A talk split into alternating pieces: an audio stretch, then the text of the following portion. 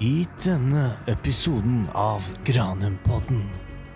Et svar som jeg syns var litt merkelig, eh, fortsatt en dag i dag. Og det var sånn Nei, vi har ikke bruk for sånne som deg. Og da hadde jeg ikke begynt engang. Gå bak her og kle av deg. Og så husker jeg sa alt sammen. Og så sto jeg i den døråpningen og holdt på å begynne å grine. og trodde jeg skulle tisse på meg. For da satt det da 74 mennesker og ventet på meg. Kommer jeg til å tenke på at jeg har jo faktisk blitt bundet, jeg òg, da. Og med en gang hun satte seg opp, så døde hun. Men de har jo klart å fange at jeg som person opplevde noe som var helt grusomt. Ja, så med en gang teppet går opp, da, så er det øh, Rett på dobbel nude, liksom. ja. oss to som står der, og så bare oss to på, på hele den store operascenen med fullsatt sal.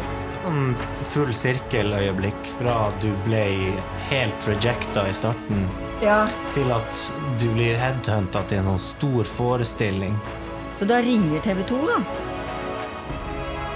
En, en, en vakker dag. Da Magnus Grønneberg, Anita Skorgan, eh, Ole Paus eh, Kurt Nilsen Ja, du, du var fin midtsidepik i, i søndags-VG.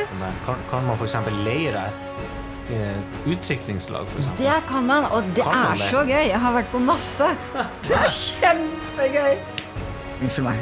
Jeg skal jeg kjøre deg nå langt ut i skogen, langt fra ø, folk, og det er jo milevis til neste nabo.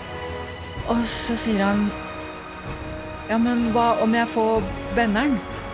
Jeg bare Du kommer ikke til å få det! Du fikk deg rett og slett en stalker. Ja, virkelig. Da har man blitt øh, sjekket opp av, av gutter, unge herrer og. Ja, der står jeg og poserer med en klippfisk. Klippfisk. Ja, Ja, det, det er godt. for de trengte halvnakne hippier som skulle røyke hasj. Naken prinsesse oppi prinsesseforholdene som skal spille på lur. Og så sier jeg jeg kan ikke spille på lur. Jeg, jeg, jeg kan ikke spille noe instrument, jeg. Hei på deg, mitt navn er Erlend, og velkommen til en ny episode av Granumpodden. Dagens gjest er Ellen Charlotte Bosch Aulie. Hun er antagelig Norges mest kjente aktmodell, og vi snakker om eh, hennes vei til dagens suksess som hun har oppnådd.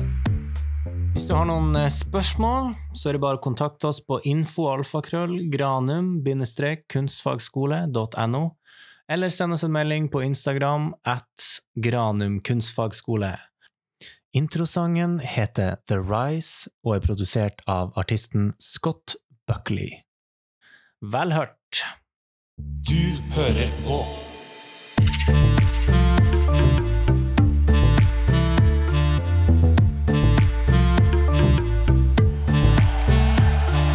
Granumpodden. Ok. Mm.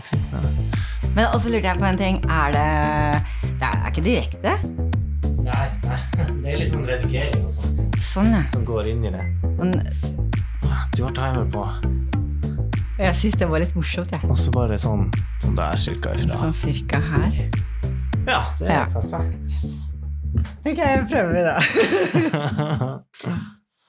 Ja, eh, hva vi syns om denne uka? Vi har jo hatt eh, Dyson Kroki denne uka. Og akt heter det vel? Ja, akt. Mm. Eh, begrensa palett, sånn eh, Ja. med Julie. Jeg er ganske kjørt i hodet akkurat nå. Ok, ja, Fordi det er veldig mye vi skal igjennom. Eller Ja. vi, sier jeg. Dere skal igjennom. Og ikke minst den jobben du gjør, er jo krevende. Ja, selv om jeg bare skal sitte stille, så er det det. 20 minutter om gangen. Ja. Uh, ja, introduksjonsmessig Du er jo eh, Du holder jo på med mye forskjellig. Ja, jo, det gjør jeg. Men hovedsakelig så er det jo eh, aktmodell og krokimodell eh, jeg er, da. Ok, hva, hva Så det, det er eh, yrkestittelen min eh, nå. mm, har, det har ikke vært det hele tiden, da. Jeg har jo hatt vanlig jobb i gåseøyne også, men så ble det så mye mye etterspørsel, så til slutt så sa jeg opp jobben, og nå er det dette jeg lever av. Fulltids uh, kroki og aktmodell. Modell, ja. Du er jo definitivt den mest kjente på, på Granum her. ja. Modellen. Vil du si at du kanskje er Norges uh, mest kjente også? Det er faktisk eh, flere som har omtalt meg som Norges mest kjente aktmodell. Ja. Eh, Her om dagen så ble, fikk jeg ny tittel, da var jeg førstedamen av vaktmodeller. Det er jo stort. Oi!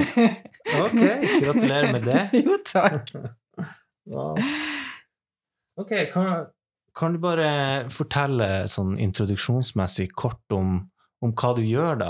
Sånn, sånn innen eh, kroki, da, og aktmodell. Altså, jeg stiller meg tilgjengelig for de som trenger en naken kropp i kunstnerisk eh, sammenheng. Og det være seg enten tegning, maleri, fotografering, TV-programmer, eh, forestillinger eh, mm, Hva heter det da? Ikke sånn eh, Teater?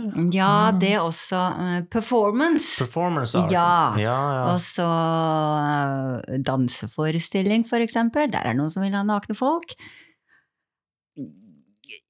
Ja, diverse, for nå har det jo blitt eh, Jeg tror det er åtte TV-program, 13 eller 14 bøker, én operaforestilling, diverse reportasjer i magasiner og blader og VG. Ja, det, det, det er ganske mye. Jeg har f Litt av alt. litt av alt. Og en kalender. Ja, for du har vært både statist og modell. Ja. Eh, har du drevet med ansiktsmaling også? Ja, Ja. det har jeg. Det øh, begynte jeg med øh, så å si samtidig. Så da øh, begynte jeg med det i 95 eller 96. Og så, da satt jeg masse rundt på stand rundt omkring i Norges land og malte ansikter. Og så gjorde jeg det masse i Stavern, og der møtte jeg opp med en fyr som var en sånn kremmer-type som solgte alt mulig diverse, og så reiste jeg rundt med han eh, rundt omkring på eh, Sirkus, liksom. Ja, nesten. Ja. og På Sørlandet og forskjellige sånn markeder og stand. Og så tok jeg til og med med meg malingen til Paris, og da var jeg sånn gateartist i Paris da, og malte ansikter og tjente penger på det, og så kom jeg meg hjem. så da er det litt ansiktsmaling og sånn innimellom på juletrefester og bursdager og forskjellige happenings som skjer da. Så alltid litt sånn, sånn teater og modell og sånn kreativt. Har, Ja. du, har du gått noen sånn skole rundt det, da, eller noen sånn teaterhøyskole? Etter eller? Jeg har alltid vært veldig kreativ. Altså, jeg har alltid tegnet og alltid malt. Og uh, gikk masse på amatørteater og kor uh, i hele barndommen og oppveksten. Og etter videregående så gikk jeg to år på Solbakken folkehøgskole, som er uh, revy, dans, drama, teater, maskelaging, uh, kamp, sportkunst, tango, alt mulig innenfor dans og drama. Og der Ah. lærte vi også masse om pusteteknikker og sånn, da. For det er veldig viktig. Ja. Og sikkert litt sånn det å holde en prosedyr, prosedyr da. Ja, ja, for det er ikke alle som kan holde en positur Du skal ikke bare sitte stille, men hvis du har kroki da, og tar begge armene ut, så skal du holde den i det minutt, de minuttene som du har bestemt, da, enten det er ett, to eller tre minutter. Det er veldig statisk, det er veldig tungt. Ja, det er det. Uh, Og det er så festlig, fordi Ja. en gang på Arkitektenes hus så kom det noen fram, vi menn, av alle mulige ting. og de skulle lage sånn reportasje om, eh, om det å være aktmodell. Så først så skulle jeg stå, og så skulle journalisten prøve seg etterpå, da. Det gikk heller dårlig. Da hadde han stått og sett på meg og tenkt at ja, men dette går bra, da. Så hans første positur var å ta sånn type luftgitarpositur. Mm, mm, med, med ryggen litt sånn bak, og magemusklene begynte å dirre med en gang, og så holdt han hendene sine ut til siden sånn. Klarte han et minutt? Ja, han klarte ett minutt, og han hadde forestilt seg at han skulle klare tre. Da, så han kom Ja. bort til meg etterpå og sa at herregud, dette her er drittungt. Det er det. Ja. det driver du med sånn yoga eller noe sånt for å opprettholde Jeg har alltid vært uh, sånn i bevegelse og tøyd og bøyd og sånn, så ehm, Før man egentlig visste hva yoga var, da, så fant jeg ut at eh, da har jeg egentlig bare drevet med yoga hele tiden uten å vite at eh, Bare jeg har gjort det. trærne og. Jo, men jeg, sånn som også eh, legge seg på rygg og så krumme, uh, krumme seg bakover og sånn. Sånn har jeg holdt på siden jeg var fem år, og det er bare sånn, det, det gjør jeg da. Og så har man senere lært at det er en yogabevegelse. mm. Um, ja. Så det er masse av de bevegelsene som jeg gjør bare intuitivt, fordi det føles naturlig for meg, da, at det er en yogaøvelse. Ja, det er kreativt. Jeg husker eh, før jul så hadde vi jo deg. Det var noe av det kuleste jeg opplevde med sånn eh, krokida. Det var når du hadde sånn egne poseringer, sånn krigsposeringer eller noe sånt. Ja. Mens du dunka på noe sånn klassisk musikk eller noe. ja! Det var ganske episk. men, men vi gjør ikke det så ofte her, da. Nei! Det var siden vi hadde tid til overs. Uh. Ja, men det er mange øh, Det er veldig gøy. Og så er det veldig kult at du syns at det er noe av det kuleste du har vært med på. Det er mange måter å ha kroki på. Um, ja, det er noe sirkuskroki også. Eh, det er mer sånn akrobatisk. ja, Ja. det, det har skjedd én gang her, og så skjedde det en gang på Arkitektenes hus. Jeg vet ikke riktig hvordan det foregår, men jeg øh, fikk høre at det var veldig, veldig spennende, da. Mm. Men du er kanskje litt mer tradisjonell, hvis man kan kalle det det, liksom? Ja, jeg er sånn tradisjonell, og så har jeg skapt min egen måte å gjøre det på, da. Eh, og så har man jo lært masse underveis. Ja, for du har jo holdt på en stund. Ja, nå har jeg holdt på 27 år og et halvt. 20, 27 og et halvt år med, Ja. som modell, Ja. eller som krokimodell og Ja. aktmodell. Ja. Å, jeg trodde du var sånn 17 år eller noe sånt. 27 og et halvt år. Mm. Jeg begynte en augustdag i 1996. Ja, var det noen spesiell grunn til at, at det ble det? Nå hopper vi veldig mye fram og tilbake her, men det går helt fint.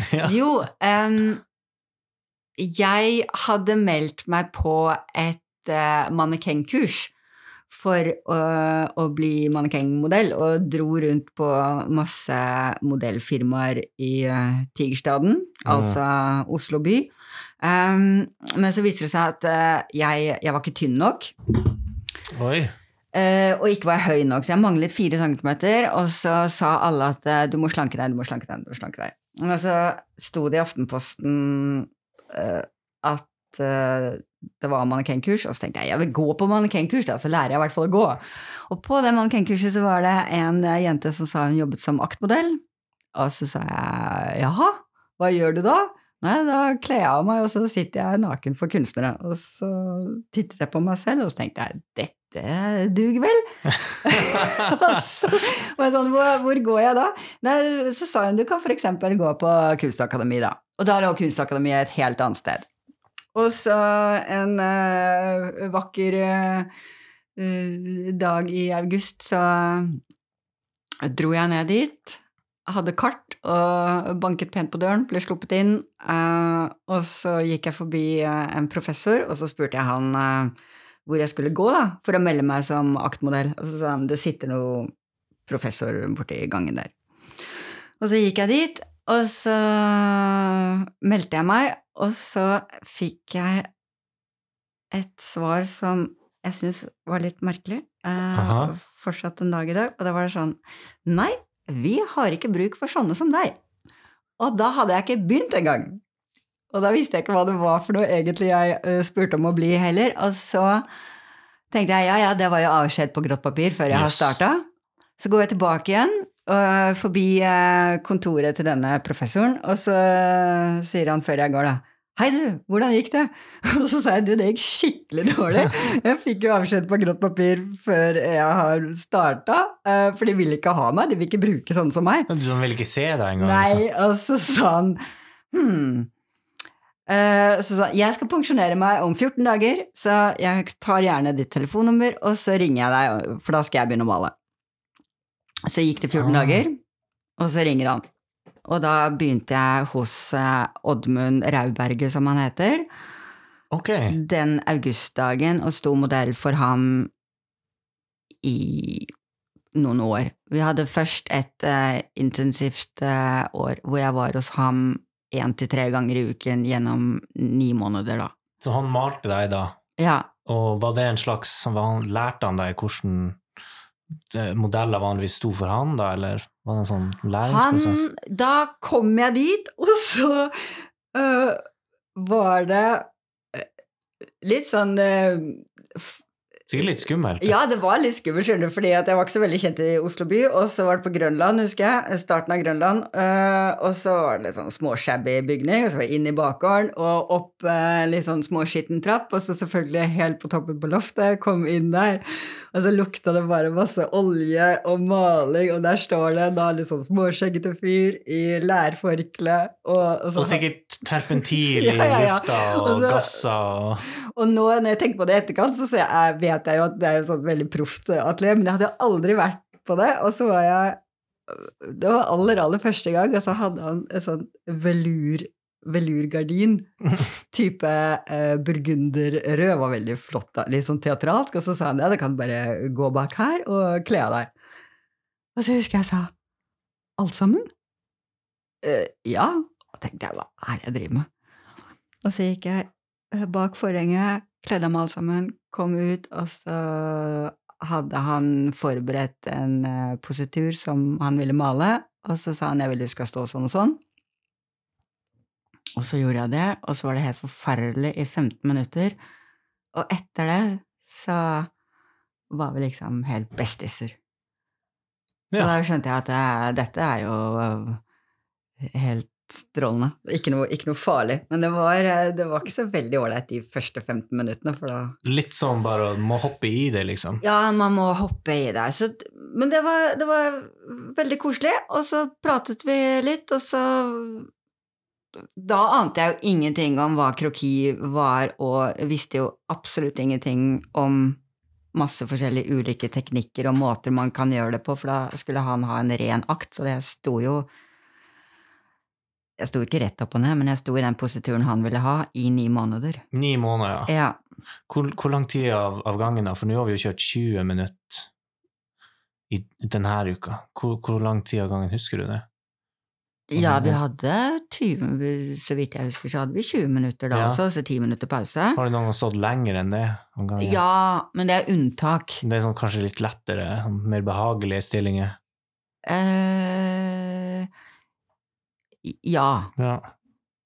Um, jo, det fins unntak. Mm. Em, hvis man har veldig vonde stillinger, eksempel, eller veldig krevende stillinger, så kan man ta ti minutters økter, og så tar man fem minutter pause. Mm. Uh, mens andre ganger, hvis man jobber med en privat kunstner, så står man så lenge man orker, og så tar man pause, og så uh, samarbeider man om det. Ja. Um, For de er ganske kreative, disse, disse fotografene og skulptørene og, og tegnerne og malerne. Og plutselig så skal de ha meg i de villeste Ja. positurer. Så er det sånn Ja, det er greit, jeg kan holde det, men jeg kan ikke klare å stå uh, sånn med armene over hodet, eller, eller knærne skal egentlig De skal stå skrå opp, da, så da bygger de opp med puter og sånn, og da orker man jo ikke å stå sånn i, i all mulig tid. Så Nei. da blir det sånn opp og ned, opp og ned, opp og ned, og så småpauser innimellom, og så tar man en litt lengre enn når man føler for det, da, så man ikke blir helt utslitt. På henda, opp ned, stående i spagat kan være litt tungt i lengden. Selv om jeg er ganske myk, da, så kan jeg faktisk ikke spagaten, da. Mm. Um, Ja, det er aldri for seint å Nei. det er det ikke. Tror du det hjalp at det bare var én person du sto foran første gangen? Eh, liksom, hvor lang tid tok det før du sto foran et eh, større publikum? Han var øh, venn med faktisk Annelise Jøstøl, som er en norsk sangerinne, som også maler. Så han hadde med seg henne i atelieret av og til. Så da var det to. Og så em, Ja, når, når begynte jeg å stå for flere, da? Et par år senere, kanskje. Det bygde seg liksom opp litt sånn forsiktig. Samtidig som det, Nå har vi funnet fram til at jeg tror det var i 98 eller 99 at jeg kom til Arkitektenes hus. For da var det en vakker dag hvor Oddmund sier til meg eh, mens jeg gikk på skolen, da, eh, på NIS Oi. Um, så sier han hei, vil du, vil du tjene litt penger? Så jeg vil jo alltid tjene penger, det er kjekt med lommepenger når Ja, man ja. er student. Og så fikk jeg en lapp, han skrev eh, navn og adresse, og så bare leverer han den, og så sier han vær der klokken syv. Møt opp her. Ja, vær der klokken syv. Og jeg visste ingenting. Og dette var helt klart en mandag, for det er på mandager de har eh, krokitegning på Arkitektenes hus. Og så det, var ganske eh, tøft. For da, da kom jeg dit, og ikke visste jeg hva kroki var, ikke visste jeg hva det betød. Um, og og ikke visste jeg Jeg visste absolutt null. Så jeg kom dit, og så sto jeg i den døråpningen og holdt på å begynne å grine. Jeg trodde jeg skulle tisse på meg. For da satt det da s- 74 mennesker og ventet på meg Oi. i en sirkel, og da hadde jeg stått for tror det var fire stykker totalt sammen tidligere. Ja. Så sitter det da 74 gravalvorlige mennesker i en sirkel, og så lille meg. 70, det er hele førsteklassen på Granum, det. Ja, helt Alle tre klassene. Ja. Og det er, veldig, det er en stor sal. De har Ja. til og med sånn balalkin som man sitter oppe på. Oi. De har en galleri som man ser ned. Og så kommer jeg dit, og så sier de du kan kle av deg bak der. Og så ja, ok. Og så kommer jeg inn, og så er det jo ingen instruks, da. Så bare sånn, når jeg, når jeg står der i midten, så var det sånn der, hva, ja, hva gjør jeg nå? Ja, du skal innta forskjellige positurer. Å ja, ok. Så ulike stillinger, altså. Ok, ja Bare improviser. Ja, bare, bare gjør noe. Jaha. Og så er det sånn, ja, hvor lenge skal jeg stå da? Ja, du skal stå ett eller to eller tre minutter. Hvem bestemmer når jeg skal skifte, da? Ja, det bestemmer du. Hvem bestemmer hvor lenge jeg skal stå, da? Det bestemmer du. Hvem tar tiden, da? Det gjør du. Ok. Um, og, så, og jeg visste ingenting, og det var helt jeg blir, jeg ble iallfall fryktelig glad til å, god til å telle til 60. Ja. Og det som var, da, var at når jeg var ferdig etter disse fire øktene, for det var to timer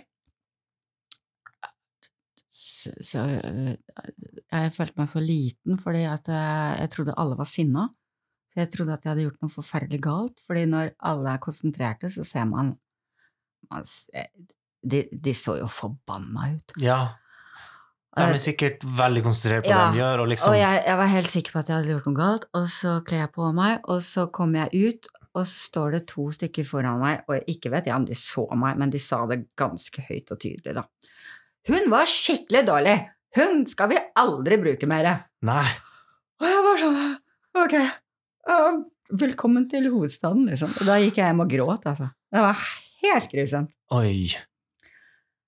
Så går det en uke, da, og så ringer han eh, bookingpappaen.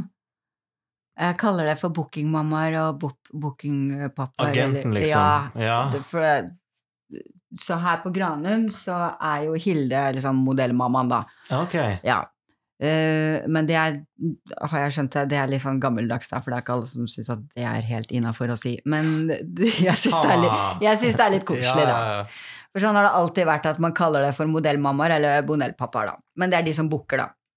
Men så ringte han typen og så sa det at eh, vi trenger modell, så du, du kan få komme en gang til. Da Da hadde jeg uh, gjort en sånn brøler at uh, jeg var ikke helt sikker på hvor det var, så jeg hadde gått feil, fordi det ligger det ligger en kirke i nærheten av Arkitektenes hus, og på den motsatte siden av kirken så ligger Oslo Maleklubb. så jeg hadde tatt feil av de to stedene, så hadde jeg feil, havnet på feil side av kirken. Oi, oi, oi. Og så sprang jeg så fort jeg kunne da til Arkitektenes hus, og så kom jeg for sent. Og, og da hadde de jo allerede modell, og så var jeg så fattig, og så fikk jeg bare huden full av kjeft, og så sa de 'dette her går ikke an', bare gå hjem'. Jeg var sånn, ok.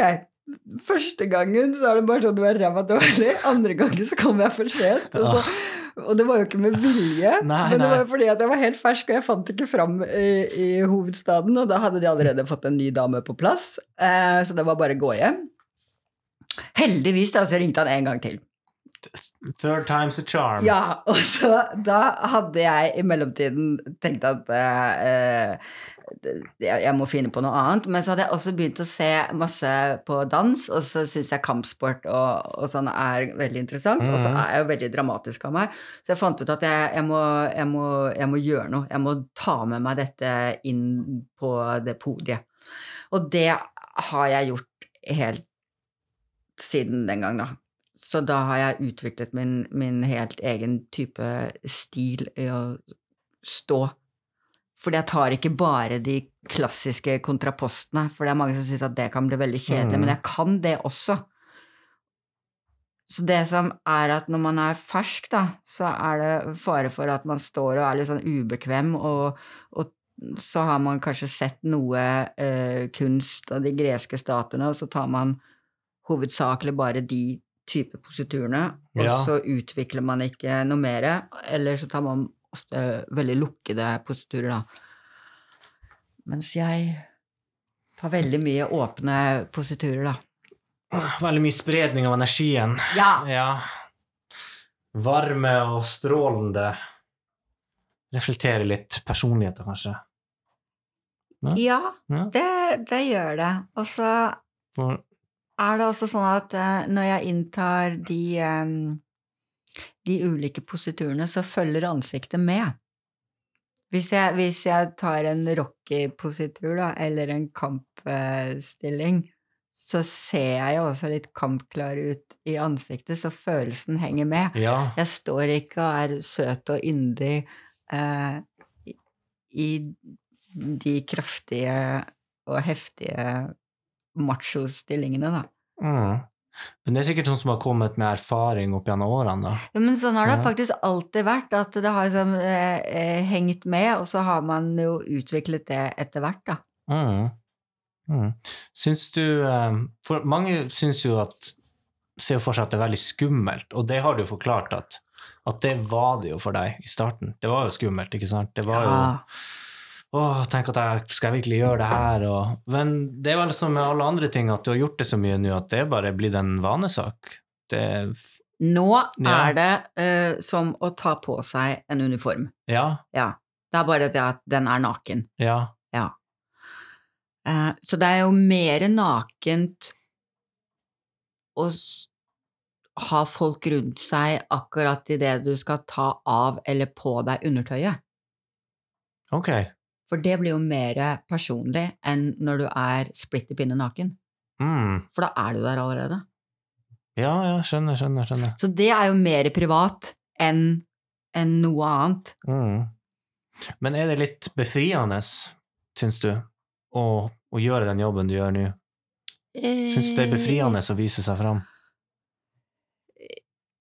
Ja, jeg har i hvert fall ikke noe imot det. Jeg er veldig glad i Det gjør deg lykkelig, liksom. Får du en sånn styrke, en sånn mestringsfølelse, liksom?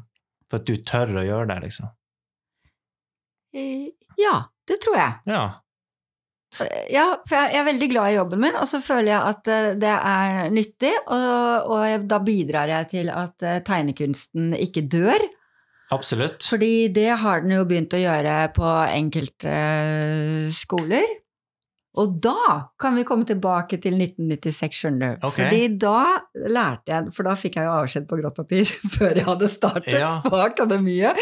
Og det som er helt tragisk, er at jeg har aldri stått på selve akademiet.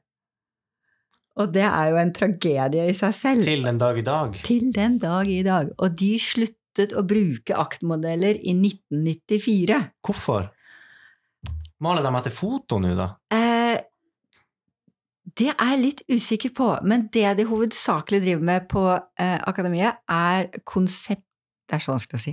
Konsepsjonell kunst. Hmm. Og eh, veldig mye teknologisk eh, type kunst og installasjoner. Ok. Eh, og jeg har vært eh, en del på Kunsthøgskolen, også den gangen det het Kunst- og håndverkshøgskolen. Um, og selv om Akademiet og Kunsthøgskolen er nå i samme bygning, så er det allikevel to ulike studier, da. Uh, men jeg har vært på, på Kunsthøgskolen, uh, på de ulike uh, klassene der, i tegneklasse og i malerklasse og på mm, skulptur. Og da, når vi hadde skulptur, da, så var det sånn kurs at da kunne de fra de ulike uh, gruppene komme og melde seg på det uh, kurset, og da hadde det forvillet seg en uh, akademistudent der. Ah, ja. Så det er den eneste studenten fra akademiet som jeg har stått for. Og det uh, syns jeg er veldig spesielt.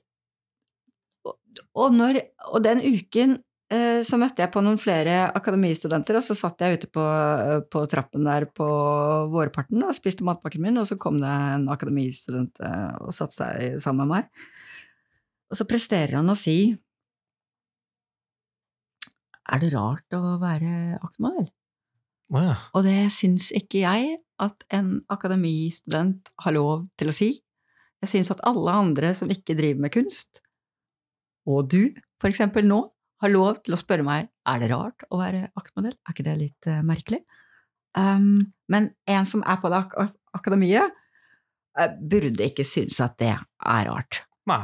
Og, og det, det, det, er helt merkelig, fordi jeg har snakket med masse kunstnere som har gått på akademiet uh, frem til 1994, og de hadde tegning og kroki hver eneste dag, hver eneste morgen. Mm. Eh, og så sluttet de bare brått med det. Og det syns jeg er utrolig trist. Ja, for altså, så er jeg veldig glad for at dere har det, da. her på Granum Ja. har vi det jo intenst i de første ukene. eh, og det var jo sånn første dagen når, når man var med på Krokida, så var det jo litt sånn oi, det her var jo nytt. Men som, etter at vi hadde gjort det, sånn som flere uker på rad, så, så blir jo vi også vant til det, liksom. Ja, ikke sant? Det var sånn, det, det her var helt vanlig, liksom. Ja. For vi, vi, vi trenger jo det her for å finne de rette lysene, fargene, skyggene og ikke sant? Vi, det går ikke an å male etter et foto, det blir ikke det samme. Nei, foto er nei, todimensjonalt, og jeg er tredimensjonal, og selv om du har et aldri så godt foto, så blir det ikke det samme som å ha en levende modell, Ja. som du faktisk da også kan gå rundt. Mm. Det det har ikke dere dessverre gjort så veldig mye, men det er veldig nyttig for å kunne forstå eh, hele stillingen, og også forstå hvor planene forsvinner, og når det kommer et nytt plan. Riktig, riktig. Eh, Du er jo ganske engasjert i, eh, i det kunstneriske, egentlig. Ja, jeg bryr meg så mye om dere. Du vet jo, eh, du vet jo nesten mer, mer om eh, det her eh, læringa vi får gjennom juli, enn det, enn det liksom vi elever klarer å få med oss, fordi at du har vært med så mange ganger. Jeg har vært med ganske mange ganger, og så til slutt så setter det seg jo da, når man har vært på de ulike kurs og skoler og både dagskoler og kveldsskoler og kveldskurs og Ja, folkeuniversitet og du har jo på, en på en måte studert det her i 27 år, da. liksom. Ja, så jeg har jo liksom sitt, vært på skolebenken, jeg også, selv om jeg ikke har gått på de ulike skolene, men jeg følger jo med i undervisningen. For jeg sitter heller ikke med, med propp eller hodetelefoner på øret. Nei, Jeg følger med. ja, du gjør det. Ja. Og du er veldig flink å gi beskjeder og, og gi, komme med tips også, faktisk, eh, under eh, Og det tror ikke jeg det er mange aktmodeller som gjør, altså. Nei, det, Eh, det, du er i hvert fall den eneste her på skolen som Ja, jeg, jeg, jeg er veldig engasjert, Ja. så jeg må passe meg litt så jeg ikke blir for engasjert, og så jeg ikke overtar, for det er jo ikke meningen. Men, men jeg ønsker alt det beste for dere, og at dere skal få med dere så mye læring som overhodet mulig av det som er nyttig å dra ut av denne kroppen her, da. Mm, mm. For jeg har også lært at kropp er jo ikke Ja, ja, kropp er kropp, men kropp er ikke bare kropp. Det er, det er så mye mer. Så man har jo begynt å se på seg selv på en helt annen måte også. Ja, ok, hvordan da? Eh, sånn, eh, man, man oppdager jo at, eh, at det, det er jo mye mer plan i, i kroppen når man har forstått hva det er, da. Enn en hva man trodde før. Det er ikke bare et rør liksom, som går ned fra, fra skulderen. og ja, anatomi Ja. og og, og, og at alle former i kroppen er der for en grunn, enten det nå er eh, Kjøtt og pølser er det noen som eh, kaller det. ja, eh, og flesk. muskler og sener og Det er muskler, og det er sener, og det er skjelett som til tider tyter litt ut. Um, eller stikker litt ut, da. Eh, og jo mer man lærer, jo mer fascinerende syns jeg det er, jo mer forstår man. Mm. Og så øh, lærte jeg en gang for en god stund siden at alle linjer i kroppen er konvekse, uansett hvor hvor tynn du enn måtte være. Og det er jo helt utrolig, for det betyr da at alt vokser ut av hverandre. Og så okay. sier folk ja, men hun har jo smal midje, eller hun går inn der og sånn. Ja, man gjør det, men da er det sånn at den formen som da kommer eh, fra armhulen, den går jo da inn i midjen, og så vokser det en ny form ut av midjen Ja, igjen. de henger sammen, på en måte. Ja, så Ja. alt vokser ut av hverandre øh, sånn, så det, det fins ingen konkave eh, linjer i kroppen. Og det er jo bare helt Så du har nesten mer sånn eh, muskellærdom enn en kroppsbygger, da, rett og slett. En bodybuilder, nesten. det, det, det, Ja. det vet jeg ikke, men jeg syns anatomi er kjempegøy. Er du flink å posere, sånn stramme musklene og sånn? Um, jeg forsøker litt grann eh, å gjøre det hjemme. Jeg har en sånn hjemmelekse uh, for meg selv. Ja. Det vet jeg ikke om det er så mange modeller som gjør det, men jeg har hengt opp litt speil em, hjemme. Uh, det hadde jeg ikke i starten, men så var jeg sånn her Jeg må vite hvordan jeg ser ut uh, bak. Nå må jeg drikke litt vann. ja, det var derfor jeg tok det, tok det med. Jo, så i døråpningen inn til, til stuen så har jeg blant annet uh, gjort det der, speil på begge sider, og så har jeg ett uh, i, i taket i døråpningen, og så har jeg satt opp to speil som går sånn skrå sånn. Og da kan man se seg selv Ja, du får sånn 360 eh, ja, nesten. Hele veien. Så da vet jeg hvordan ryggen min ser ut. Og da har jeg forsøkt å stå og flekse og gjøre forskjellige poseringer for å vite selv hvordan jeg ser ut eh, bakfra. Mm. Nettopp fordi at det er nyttig for elever og studenter og kunstnere eh, å vite det, men det er også greit at jeg selv vet hvordan jeg ser ut, og vite hva som skjer når jeg gjør den og den type bevegelse. Hva du får fram, liksom. Ja. For det er vanskelig å tegne når det er veldig sånn flatt, liksom. Når du får de definerte om stramma litt opp, så, så det, blir det mye for, for det første gøyere å tegne, men også mye lettere. Og, Ja, mm. jeg har jo fått høre at jeg er veldig god å ha uh, som modell når man skal ha anatomi og, og lære om skjelettet og, og muskellære, da. Ja, Nettopp fordi at jeg er så definert, da. muskuløs. Ja. Pumpe jern, liksom. Nei, det Nei. gjør jeg ikke. Ikke litt jeg- engang. Jeg bærer veldig mye ved. Å ja, ved. Ja, Ja, fordi okay. det har jo vært sabla kaldt i vinter, så da må jeg bære ved. Eh, jeg, bor Har du sånn hoggstab også, da? Jeg har, jeg har hoggestabbe Ja, i, ja, ja. I, i kjelleren. Jeg kapper ikke så Eller jeg, jeg hogger ikke så mye ved, men uh, jeg sager en del ved. Og så Ja, må jo bære opp alle disse vedkassene fra kjelleren, da. Og jeg bor i fjerde uten heis. Og da får du uh, beintrening også. Ja, og så uh, Hverdagstrening, det, det er tingen. Ja. Gåing og jogging og ikke, Eh. Ja. ikke, ikke bestandig til heisen, liksom. Nei. Nei. Og så er det, er det bra å sykle um, året rundt. Kan være litt farlig. Ja. Men det er veldig bra å sykle etter, eh, etter eh, modelljobbing, for da får du løsna litt opp i Ja, da, da får du liksom tøya ut, på en måte. Ja, Ja, selvfølgelig. fordi det kan jo være øh, fryktelig vondt. Ja, det det lærer man også. stiv. Man lærer Nå har Julie snakket med dere om øh, å definere og være klare og tydelige, og det man lærer som modell, er hva er ubehagelig, hva er vondt, og hva er smertefullt, for det er tre ulike grader av det. Ja. Ja. Så hvis man har vondt, da har man ikke Det er ikke smerte. Smerte er noe helt annet. Da klarer du liksom fem minutter til, og Ja, ja. pusher alltid strikken, sikkert. Ja, ja. Ja. Det er viktig både for meg og for dere. ja. Hvordan havna du på Granum, egentlig? Eh, oi. For du har jo sikkert vært, du har vært mange plasser. Jeg har vært veldig, veldig, veldig mange plasser. Mm. Um, Og nå er det jo veldig mye her. ja, jeg er en god del her. Men guri malla, åssen havna jeg egentlig Fordi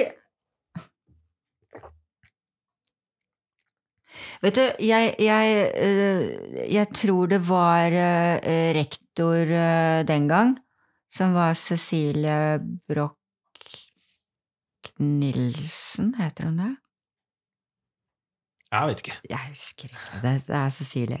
Det er noen år siden. Eh, jeg husker ikke helt hva hun heter til etternavn. Men det, eh, hun var rektor på Granum da de holdt til oppe i Seidulsgaten der. Oi, ok. Eh, og det var i 2001. Og da jobbet jeg også på Oslo Kinematografer, den gang det het det. Nå heter det jo Oslo Kino, eller kanskje det ikke heter det, eller Men da jobbet jeg der, og så hadde, hadde vel eh, jungeltelegrafen begynt å gå, da. Altså folk hadde begynt å prate, for da hadde jeg vært på Arkitektenes hus, og der er det jo Ja, fra 40 til 70 mennesker av gangen. du ble headhunta, rett Og og så, uh, ja, og så var det noen som hadde spurt om telefonnummer, og det hadde de fått, da, og så eh, gikk jo ryktet. Og så jeg tror å huske at det var sånn at jeg kom i kontakt med, med de.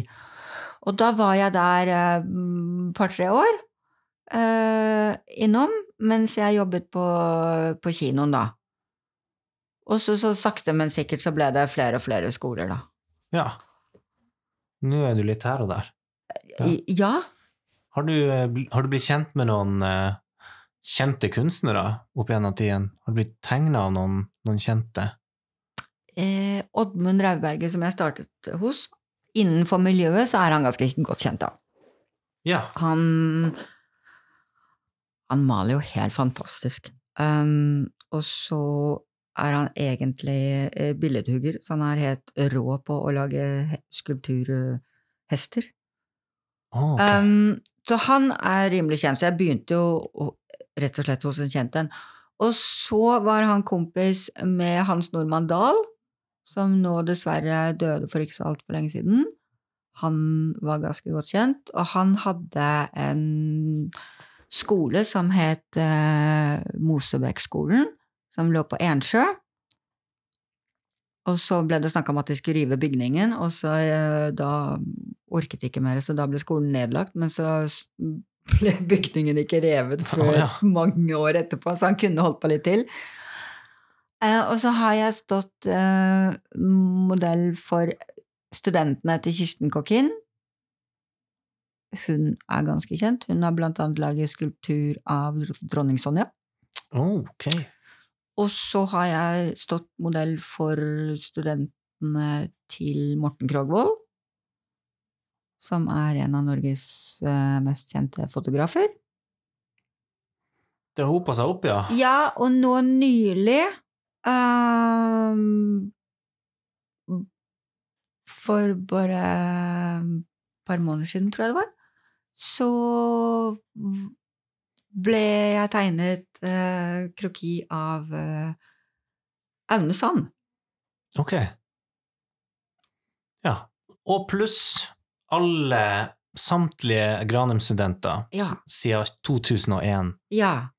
Ja, Det det, var et lite, det var et lite opphold, eh, fordi Ja. at jeg har vært innom Granum fra eh, 01 til 03, og så var det en periode de spurte om jeg kunne komme, og så kunne jeg ikke. Og så ble det litt for mange nei, så da ble det en pause, og så var jeg innom her i 2010. Og så ble jeg glemt, og så kom jeg tilbake for fullt eh, i 2016. Ja. Det må ha blitt mye sånn kunstverk ut av det her, da. Sånn, vi gjør det jo for å lære, men folk vil jo sikkert leie deg inn til Du å lage hva, noe jeg, proft. jeg henger så mange steder. Ja. Ja. eh, jeg har ikke tall på hvor mange steder jeg henger lenger. Skulpturer også, sikkert. Ja. Um, for jeg har jo vært på masse skulpturkurs, så det henger jeg, jeg, jeg henger på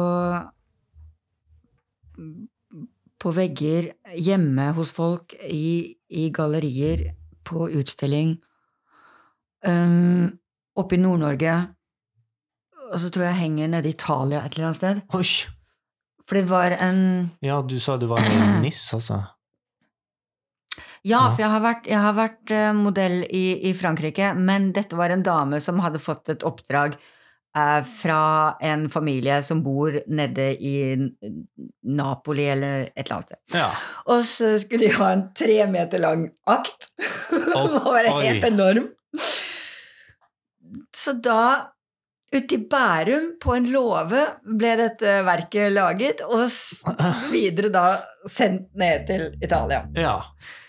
Så da er jeg blant annet der. Syns du det, det er fint? Og Det er veldig kult å tenke på, da. du er jo en stor del av kunsten, på en måte. Og noe som vil leve videre lenge etter at vi alle er borte, liksom. Kan vi stoppe litt? Ja. For det kan man redigere, ikke sant? ja skal Jeg må hente en Jeg skal hente en Fisherman. Ah.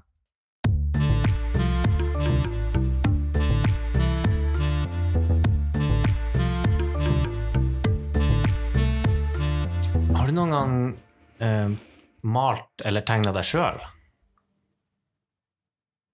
Ja, det har jeg faktisk, fordi jeg um, eh, Vi hadde en helt ekstrem intens lærer på en skole som nok en gang er nedlagt. Eh, Mye som blir kjøpt opp og nedlagt. Um, Ja, ja. Som het Kristiania Friakademi. Um, den eksisterer vel sånn halvveis, delvis eh, enda, men med nytt navn, da. Men i alle fall der hadde vi en helt eh, utrolig uh, flink, uh, streng lærer.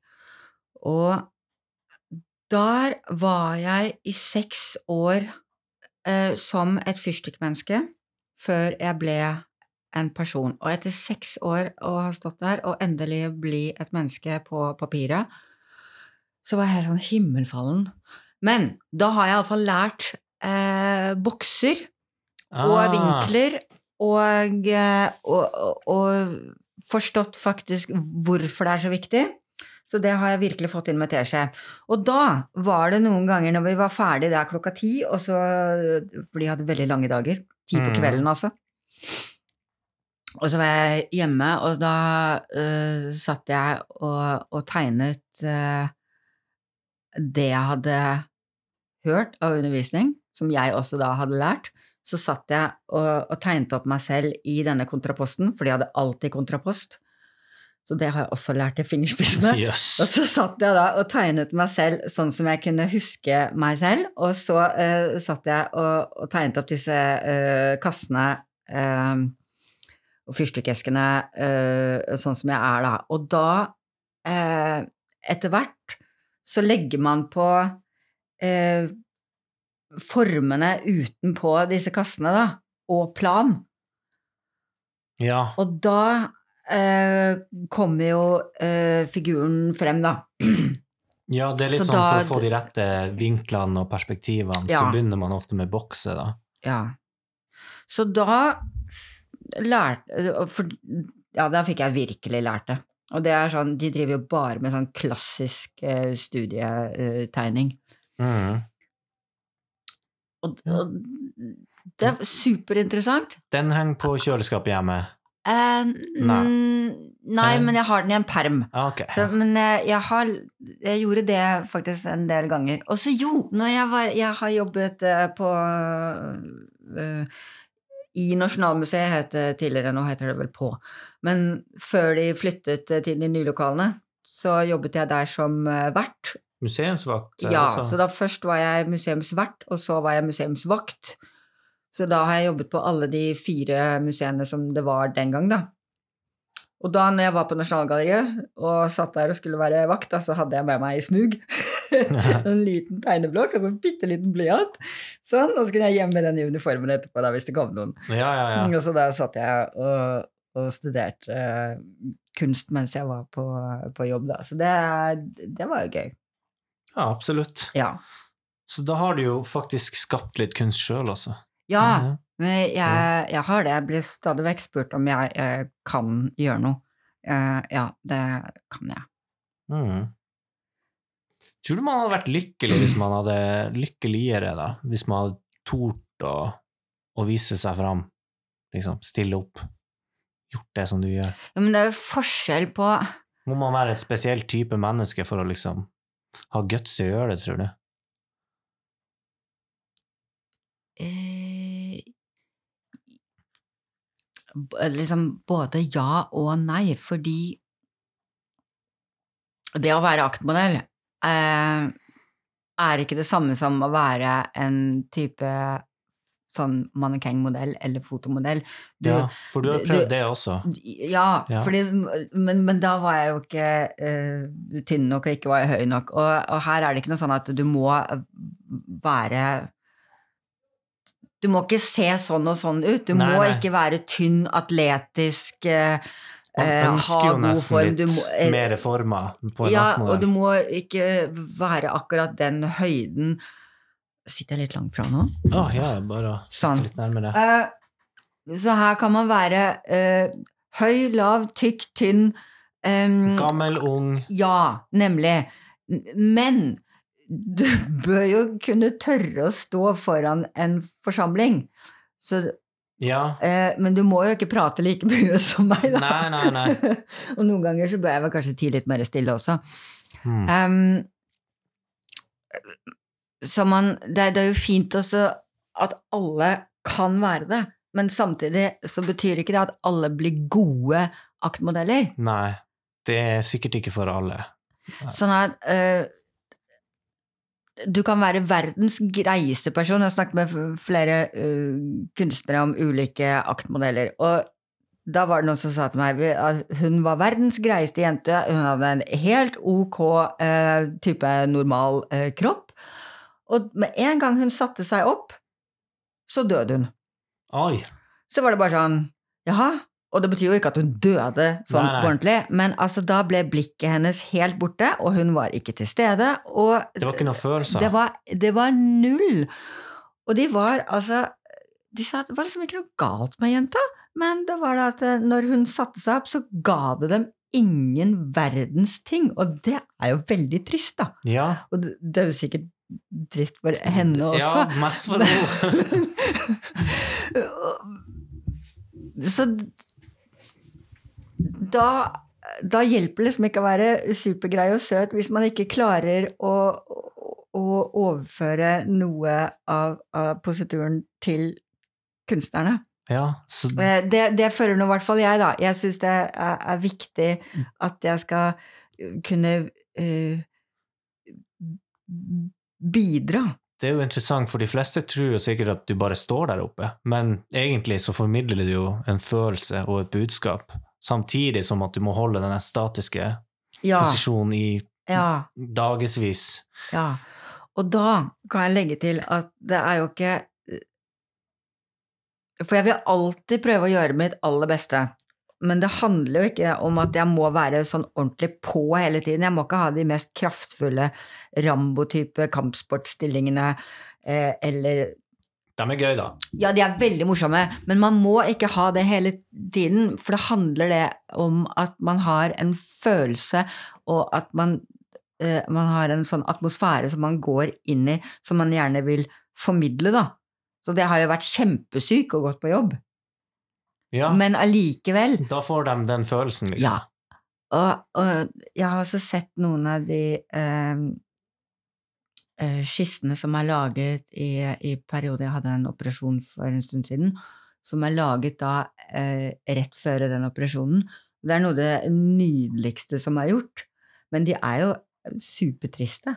Men da har de klart å fange jeg var da i et sånn smertehelvete, Mm. og da har jeg sett det siden, Oi. og da har jeg sagt er denne tegningen her laget i 2017? Og så går de tilbake og sjekker, og så bare sånn ja, ja, det er den. Ja. Og det er superinteressant, for da har de klart å fange ikke bare posituren, men de har jo klart å fange at jeg Du som er- person ja. opplevde noe som var helt grusomt. Og så har de klart å De har liksom fanga smerten du hadde. Ja. Yes, det er helt sånn underbevisst eller bevisst, nesten, tror du? Eh, det, det vet jeg ikke, men det Kanskje, er kanskje vi ikke som folk er, og mennesker er flinke nok til å, til å se på hverandre og se om folk har det vondt. Men over lengre tid, sånn som når du hadde vondt, ikke sant, så, så ser man det ja, når man står der lenge nok og følger med. Kanskje? Jeg tror det. Interessant. Ja. Uh, uh, uh. Ja, ja, hva Jeg hadde lyst til å ta den her introduksjonsvis, men jeg vil ta den nå. Det er jo et sånt triks når du står oppe på platået, ikke sant, og hvis du er litt nervøs, så skal du liksom se for deg at publikum er naken, så, så hjelper liksom det mot, mot angsten. Har du noen gang gjort det?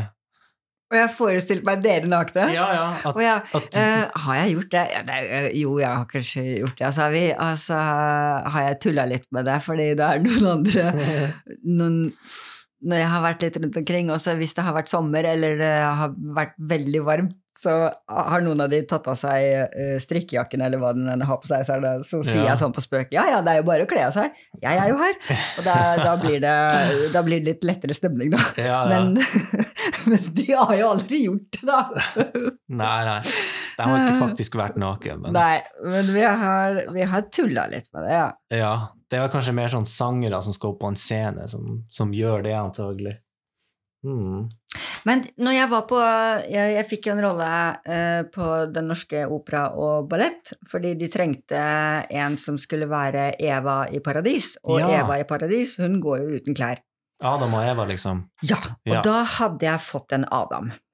Og Adam, stakkar, som skulle være Adam, han hadde jo aldri vært aktmodell. Nei. Eh, Så da måtte jeg hjelpe ham.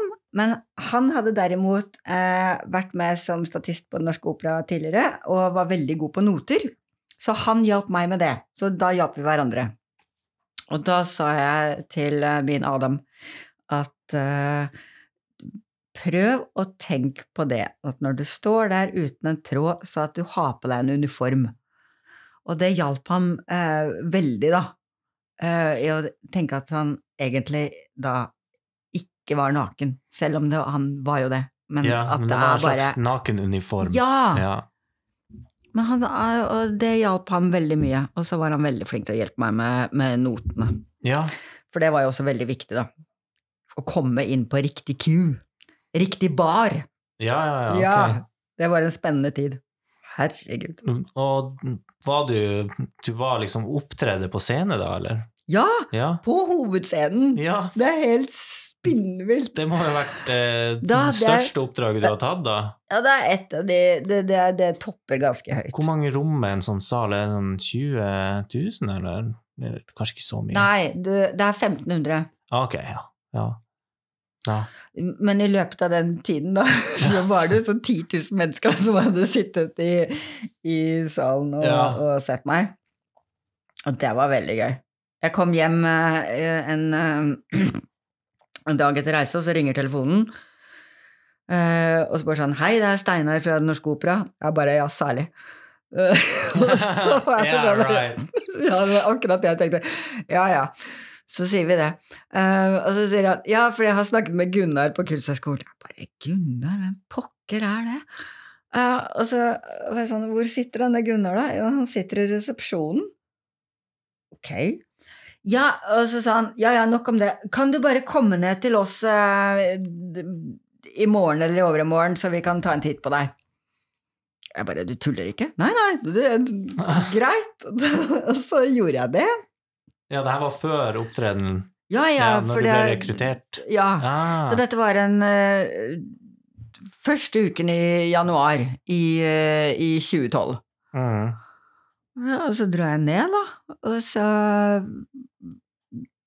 blir jeg sluppet inn, og så kom jeg Og så har de prøver på Carmen, og så møter jeg de jeg skal, og så sier de vi går på scene to, og så går vi på scene to, og så sier hun eh, da, da vil jeg at du bare skal gå litt rundt. Og så gjorde jeg det, og så Etter en stund så sa han bare ja, da har du fått rollen. Ah, ja. Og jeg var sånn Var dette audition? Ja. Ok, uh, greit. Det var hyggelig, sa jeg det. Og så var det sånn Ja, vi skal ha uh, forestilling i, i mars, og så øver vi fram til da. Og så får du uh, sånn prøveplan og, og sånn, da. Og så eh, sa hun rett før jeg skulle gå sånn ja, og så må du bare huske på at eh, du og Adam, eh, din Adam, skal starte eh, hele forestillingen. Ok. Jeg bare Ja, ok. Det er jo kjekt. Åpningsakten. Ja, så med en gang teppet går opp, da, så er det uh, Rett på dobbel nude, liksom. Ja. ja. oss to som står der, og så bare oss to på, på hele den store operascenen med fullsatt sal. Oi, oi, oi. Å, guri malla. Men det var ganske spennende, og han som, han, han som spilte Adam, de hadde tatt så godt vare på meg. De hadde, han var For det første så var han homofil, Ok. og det hadde de Det tror ikke jeg den ekte Adam var. Nei, Nei. men det hadde, de hadde valgt eh, det med vilje, og det sa de til meg uh, etterpå, var det at de ville ikke at det skulle oppstå noe uh, type ubehageligheter. Ok. Uh, så de hadde valgt Torstein, da, som han Ja. heter, med vilje. Har du, har du opplevd noe sånt før, da? Sånn ubehageligheter? Det kan vi komme tilbake til, for Ja, okay. det fins noen få, heldigvis bare veldig få, historier om det. Og det satte jeg veldig pris på, da. Ikke at jeg hadde gjort noe, men eh, de hadde i hvert fall tatt eh, hensyn til det. Eh, og så hadde vi hver vår garderobe, og så hadde vi hver vår påkleder, og så hadde vi vår egen parykkmaker, sminkedame, Oi! og så Ja, det var helt, Egen, helt spinnvilt. egen coach, egen trener, Ja, ja, og måltidsplan. hadde vi uh, Fordi at vi, vi skulle ha på oss uh, sånn sykehusdrakter etterpå, og så skulle vi ligge i en seng.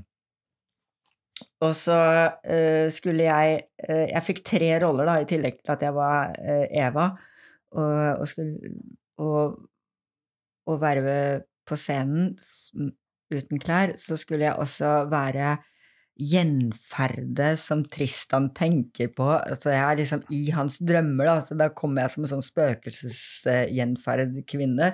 Sånn eh, liksom svevende over scenen, da, så da måtte jeg lære meg å svevegå. Det var. For da drømte han om sin mor før han var født. Så da sydde de inn sånn der gravide mage til meg inn i denne her ekstremt lange kjolen med lite grann slep, og så var det, så var det veldig De, de var helt supernøye, da. Så jeg, mens jeg gikk, da, så måtte de også passe på at kjolen ikke var for lang foran, så jeg ikke snublet, og så skulle det se ut som jeg bare svevde sånn bortover sånn, Da. Ja, ja, ja. Skulle bare gi deg et skateboard.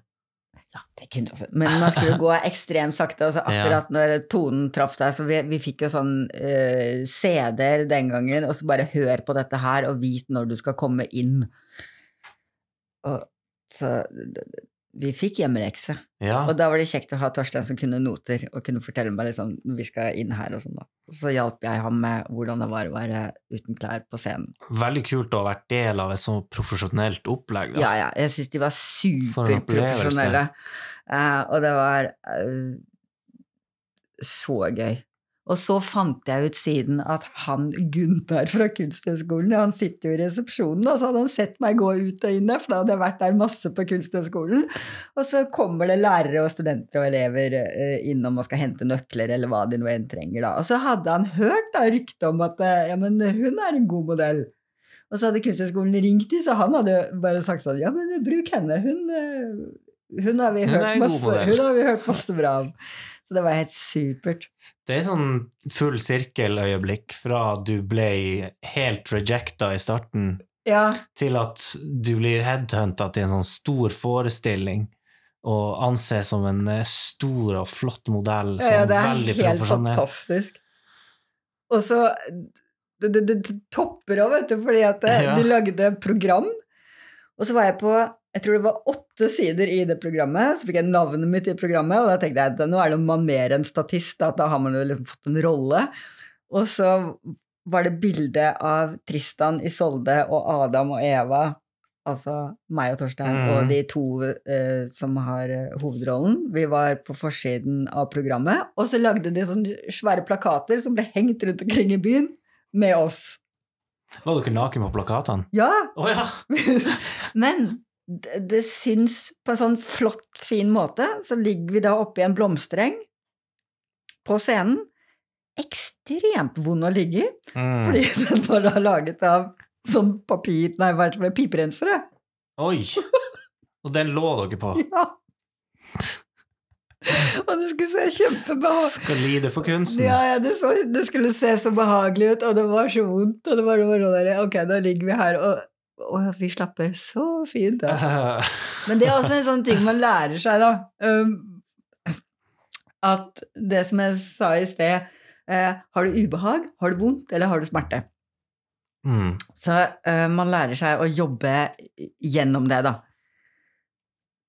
Eh, og da klarer man det. Da vet man også at man er på vei til å bli en, en god modell. Ja, det er litt som tannlegene. De må lære seg å ikke klø seg sjøl på nesa hele tida. For det, har du merka at med en gang du skal gjøre noe med hendene som er viktig, så begynner du å klø på nesa eller noe sånt. Så når du ikke kan klø deg på nesa, Ja. det er da det begynner å klø på nesa. Ja. Så det er litt det samme. Du må liksom klare å jobbe deg gjennom den distraksjonen, den kløen. ja det, det var litt sånn i starten, altså, når man Få god begynte. smerte, smerteterkel, da. Ja, Ja. det gjør man. Mm. Det kan være bra på Um, mange måter. Jeg fikk en telefon eh, en gang eh, fra en, eh, en aktmodell som hadde holdt på tre-fire år. Og så snakket vi sammen på telefon, og så sendte hun meg meldinger. Og så sa hun til slutt 'skal det være så vondt'? Og så sa jeg ja, det er vondt å være aktmodell. Ja, men altså, dette her er jo et helvete.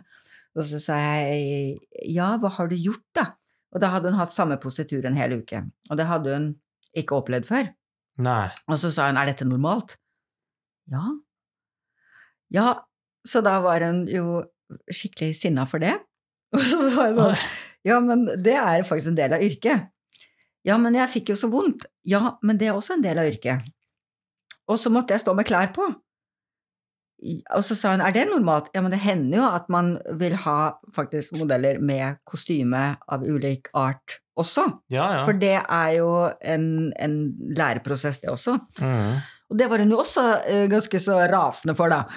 Og så var jeg sånn Ja, men det er jo ingen som har sagt at du ikke kan skifte underbukse. Men det ser de jo ikke, så det, det, det er jo helt greit. Men å ha de samme klærne på hver dag eh, Det er ikke det er ikke unormalt. Nei, nei. Eh, Men det er jo tyngre enn det jeg tror folk flest syns, Ja. tror det liksom. men jeg var litt sånn overrasket over hvor rast du var. Eh, For at hun måtte stå med klær på, liksom. Ja, og så var det de samme klærne hver eneste dag i en uke. ja, ja, Og, så, og så tenkte jeg, hva, hva tror du kunstnerne gjorde før på 1700-, 1800-, 1500-tallet, da de tegnet modeller med klær på og holdt på i, i månedsvis? Um, Ja. Ja, eh, men det man kan gjøre, for jeg, det er jo også å ha på seg de klærne eh, når man står, og så kan man eh, skifte når man eh, går hjem, sånn at eh, da blir det på en måte arbeidsklær som du har den uken du står, da. Mm. Så jeg syns ikke det var så mye å sutre over, jeg, da. Men Nei. det Du syns det er verdt det, liksom? Jobben? Du får, er, det, er det forresten grei, grei lønn?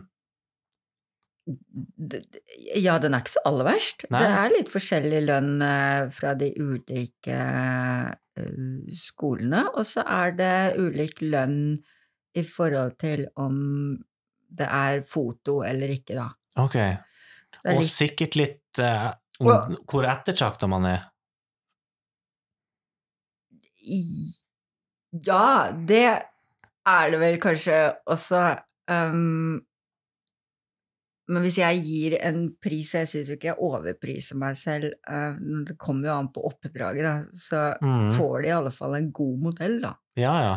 Men så er det jo forskjell på oppdraget om hvis det er på TV, for eksempel, Ja, da da kan man annet. skru opp prisen litt. Ikke det at man nødvendigvis må skrive eh, faktura og lønn med, med gaffel, men eh, det betyr at man, man høyner lønna. Men, men du drar jo på litt mer da, fordi da blir det jo vist på TV, og hele Norges land kan jo da sitte og se på deg. Ja, Eller Norden. ja, du Ja. må ha litt bonus, liksom, for, på en måte, for å gjøre det. Ja, Eller det fortjener du i hvert fall. Ja. Ja, jeg syns ikke det er så mye å forlange en, en, noe mer når man blir kringkastet for eh, hele Norge, Mm. enn når man er her, da. Helt Jeg har jo blitt kringkastet en, en god del. Ja, du har det, altså. Ja, du har vært på, på TV også. ja, jeg, første gangen var hver gang vi møtes. Hver gang vi møtes Ja! på Sesong to. Å ja, du har vært med på det også. Ja, fordi Magnus Grønberg, som spiller i CC Cowboys, han skulle ha sin aktivitetsdag. Eller han skulle ha sin dag. Oh, ja. Og eh, når eh, hver artist har sin dag, så har de også hver sin aktivitet. Så hans aktivitet var da å male og tegne eh, akt. Ikke male, tegne. Så da ringer TV 2, da. En, en, en vakker dag og, og sier eh, hei, vi har hørt om deg. Vil du- Norges kjente, mest kjente, vet vil, du. du, vil du være med på, på et TV-program? Og da, da måtte jeg svare Jeg husker jeg måtte svare ja før de kunne si eh, hva det var, da. Og det syns jeg var litt sånn spesielt. Også. Oi, Fordi alt var så utrolig taushetsbelagt. det hørtes ut som starten på en sånn skrekkfilm. Ja, liksom, Signer her, men vi kan ikke si hva du skal gjøre. Nei, så det syns jeg bare sånn her, ok. Eh, Så jeg fikk liksom forklart uh, opplegget, og at de ville ta veldig godt hensyn til meg, og at det skulle gjøres uh, estetisk og flott og fint, og jeg skulle godkjenne alt. Sminke og Ja, ja, ja. da. Så, men de kunne ikke si Første gangen så kunne de ikke si uh, hva det gjaldt, da, før jeg hadde godkjent eller sagt ja, da. Ok. Og så, når jeg hadde sagt ja, så var det uh, taushetserklæringer. Men du visste at det var på TV? Ja. Ja. Ja, ja, det visste jeg. Mm. Uh, og så ble det kontrakter og greier, og det er veldig strenge kontrakter man har, så hvis man uh, Hvis man snakker for mye, da, hvis man sier hemmeligheten før det kommer på TV, da, så Det blir saksmål. Ja, det kan det i verste fall bli. Ja, det har jo med at man ikke skal spolere Ja, ja, det som har skjedd. nemlig. Mm. Men da møtte jeg i hvert fall opp, og så holdt jeg nå i hvert fall eh, munn da, fram til, eh, fram til det ble vist på eh, TV. Ja. Jeg syns det var Jeg syns det var veldig stas. Mm. Det tror jeg de artistene syns også. Ja, absolutt. Første gangen er alltid veldig Ja, morsom og sånn, oi. Så der, så det var liksom Og vi holdt på en hel time. Det vet jo ikke de som ser på TV, da. Nei, det, det er jo blir klipp, klippet, klippa, ja. Ja, ja. Men det var faktisk en hel time. Da. Så vi hadde to økter, og så masse kamerafolk og greier. Um, og der satt da Magnus Grønneberg, Anita Skorgan, um, Ole Paus, uh, Kurt Nilsen, Marion Ravn Kurt Nilsen var også med, da. ja, eh, Lene Malin. Morten Abel. Ja, Wow. wow. det var den gjengen. Ja. Og så uh, Det har jo vært Etter 2013 så har det vært en god del nakenhet på TV, men dette var en av de aller første gangene, så da var jo Oi. både VG og Dagbladet liksom veldig på, da. Så alle ble intervjuet, og, og VG eh, ringte meg, og så måtte jeg ringe TV 2 og spørre liksom, om det var eh, greit, for man må jo ha godkjenning i bauger og kanter, og så Ja. eh, ville de ha bilde. Og så må det også godkjennes, og så må det godkjennes av TV 2, så alt er veldig sånn uh, sømmelig og ordentlig, da. Det blir jo veldig Men bra sånn de glemte var at Fordi da, når det ble vist på TV, da, så fikk de uh, Seertallene var bare sånn skyhøye. Ja, ja, ja, selvfølgelig. Og Sjokkfaktoren. så la da VG det ut um, på um, på- VG nett-TV, da, og så gikk det jo bare rett i værs. Så de fant ut at de skulle ha det i trykken. Og så hadde de glemt å, å melde fra til meg, da. Det er jo ikke bra, da, så det gikk litt fort i svingene der. Så da var det en som, som snakket med meg eh, onsdagen etterpå, og så sier hun ja, du, du var fin midtsidepik i, i søndags-VG. Og så sa jeg bare hva er det du snakker om? Fordi jeg har ikke for vane å gå og kjøpe VG. Oi, og så sier hun jo, men jeg kjøpte VG på søndag, og så åpnet jeg avisen, og så har hun bare sånn et svært fullt bilde av deg uten en tråd. Men det var jo de bildene jeg hadde godkjent, altså det var Ja, ikke noe farlig med det, men jeg visste det bare ikke, så da ringte jeg VG, og så sa jeg gikk det litt fort i redaksjonen, eller? Og de bare å shit, vi beklager. Skal ha erstatning! Jeg bare kan jeg få den avisa, eller? Så sa Kan jeg i det minste få tilsendt en avis? Ja. Ja. Det var jo, om ikke annet var det jo god promotering for, Ja. deg, da. Men det er liksom sånn, hva er det du prater om? Så bare, jo, jo, jeg kjøpte VG. Ok. Så der har man det. Det var før Naked Attraction kom på TV, for å si sånn. Ja, og det er også sånn der morsom historie, fordi det jeg, jeg ble jo ringt opp da også, da, og det var jo før det kom på TV. Oh ja, for de ville caste deg til det, liksom? Nei, men de trengte nakne mennesker for eh, hva, hva, hva heter det, da? Jury, eller? Nei, det heter eh, Statister? De kaller det ikke stand-in, men det er på en måte en stand-in. For de trengte eh, å vite hvordan lyset og boksene skulle justeres opp og ned oh, ja. når de hadde nakne mennesker. Så da hadde de Først så ringte de meg, og så lurte de på om jeg kjente noen flere øh, folk som var villige til å bare kaste klærne. Så, Kan ikke du få, få vennene dine? Du kjenner sikkert alle. Jo, så, men, men jeg har jo et lite kartotek, da, så jeg vet jo om noen flere. Så jeg, jeg meldte noen, noen andre aktmodeller, og så var det noen som var villige til å stille, da, så jeg skaffet dem vel fire-fem stykker, da. Så det var de jo kjempeglad for. Mm. Og så sa de dette her skal ikke bli vist på TV, det er liksom vår type generalprøve for å vite eh, hvor høyt opp og ned disse boksene skal gå, da, når de Ja, skal ja. gå opp til skrittet, og når de skal gå opp til brystet, og når de bare skal gå opp til hit og hodet og sånn. Ja. Og så må vi vite med lyssetting og greier, da. Og dette her var jo midt under eh, pandemien. Oi, okay. Så det var jo det ekstra uh, spennende. Um, så da måtte man jo holde avstand, og i tillegg så måtte man møte opp en time før for å ta en test, og så var det midt under det verste av pandemien, så de som sto der, det var sånne folk i sånne romdrakter, da, så fikk du den der greia opp i nesen, og så måtte du liksom godkjennes, og så var det sånn der, ok, du er godkjent, du kan gå dit, og så ble vi preppa, og så var det bare sånn, ja, da skal Spylt ned naken før dere fikk eh, komme inn i rommet. Og så gjorde vi det den ene dagen.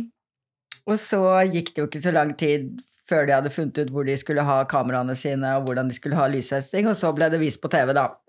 Men da ble jeg også ringt og spurt om jeg ville være med uh, på selve programmet, men det sa jeg nei takk, det Ja. vil jeg ikke. Så du tar litt sånn sideoppdrag òg?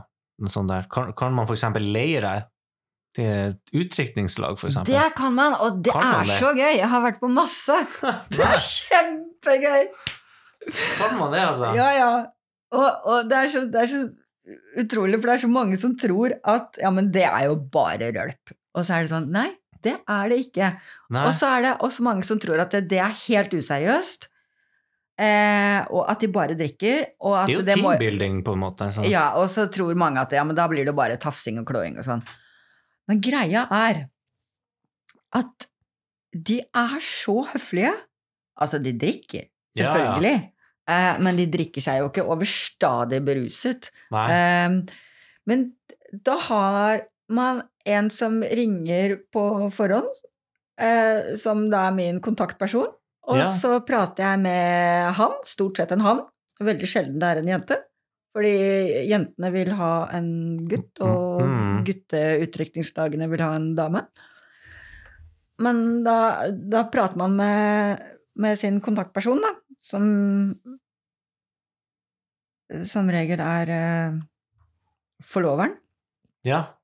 ofte det, eh, om hva som er eh, greia, eh, og at de legger vekk mobiltelefoner, og, men de kan godt få bilde med klær på, eller hvis jeg snur meg i en eller annen type vinkel, da. Sånn. Mm.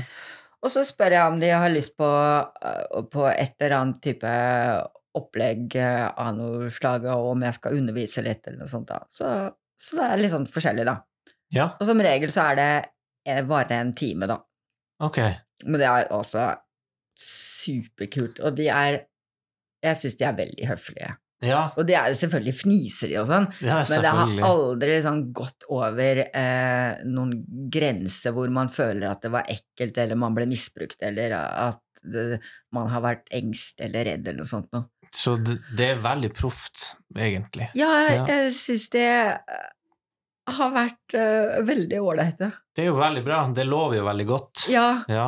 men derimot så hadde jeg en drosjesjåfør som var helt livredd på mine vegne, fordi jeg jeg hadde fått et sånn type oppdrag. Ja. Og så har jeg um,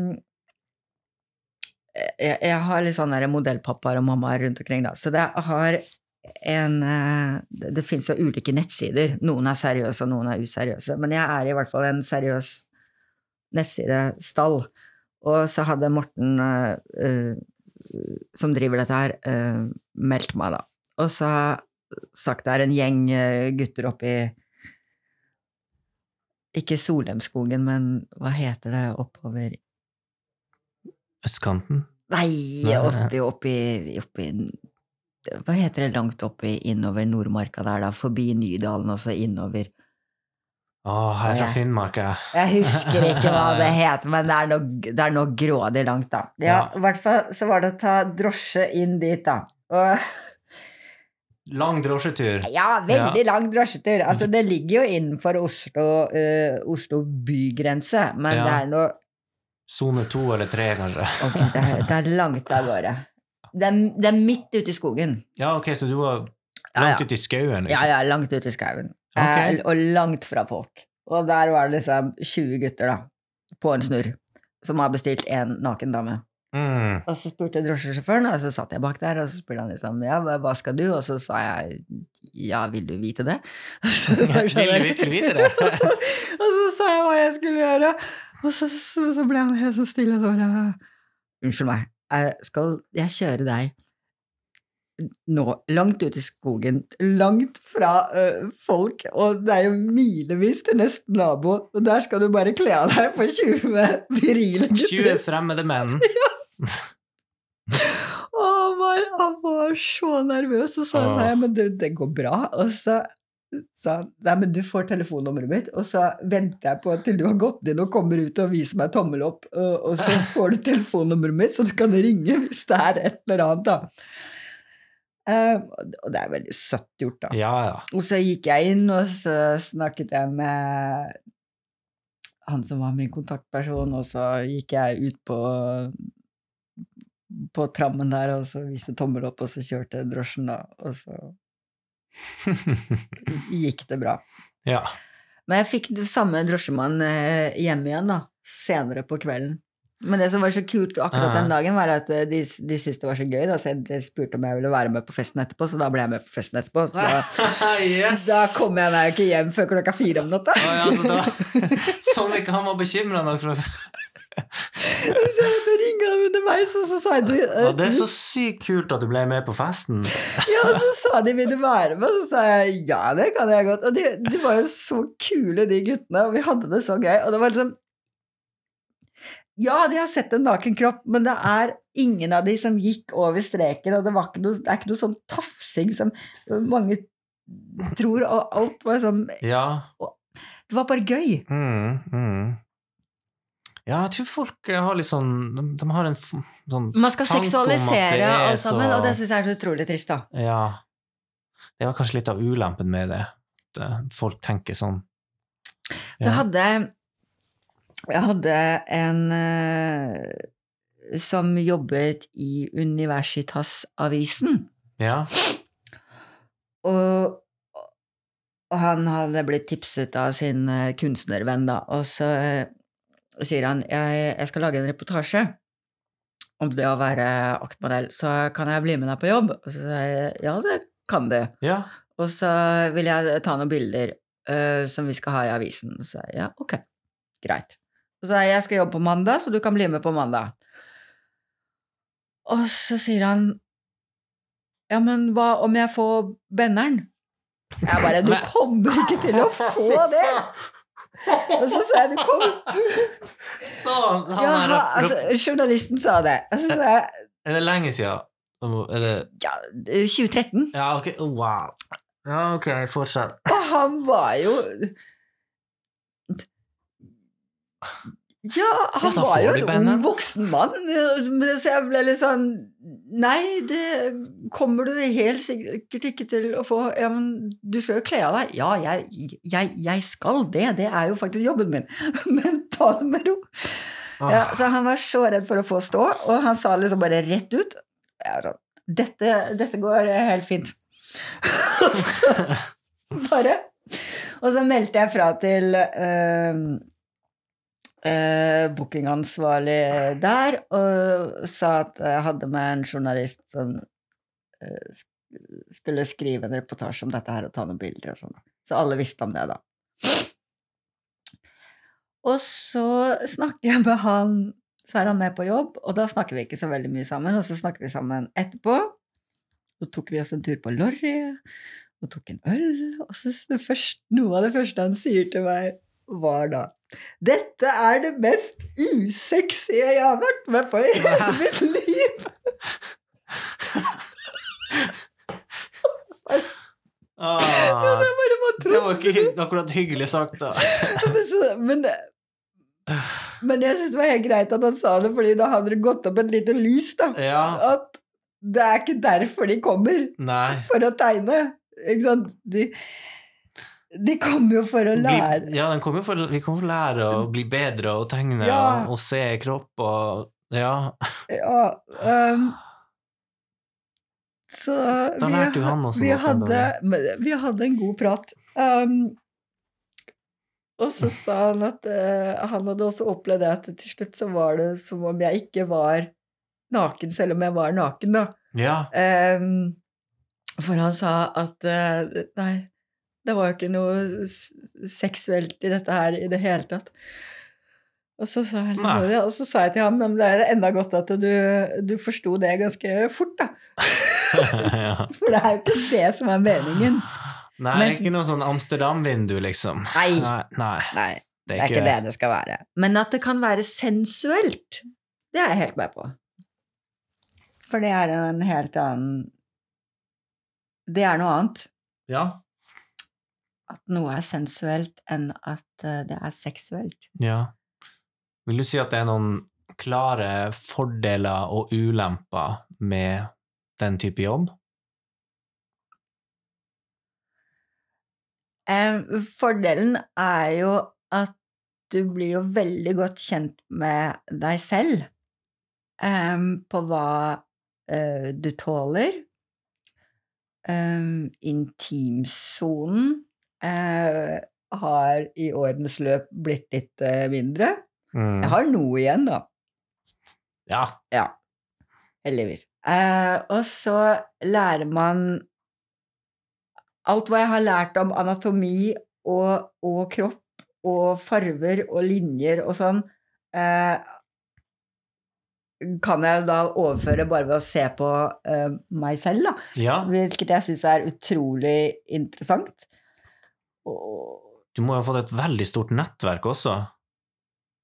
ja, jeg, jeg har vært borti en god del mennesker, ja. Mm.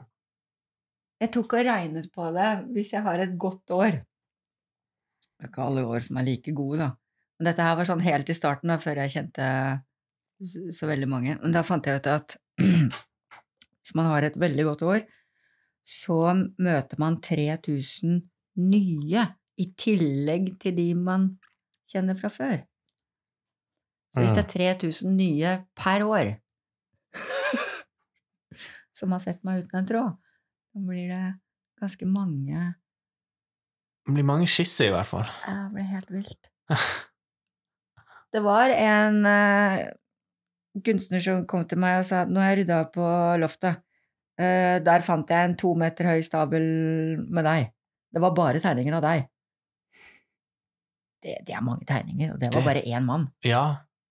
Men sånn som de her eh, kveldskrokiene vi har her på Granum, det er jo hva det er, ett og to og tre Ja, minutter. det, som, det som er litt sånn pussig, for det, vi snakket om det i sted, at det er Ja. mange måter å gjøre kroki på.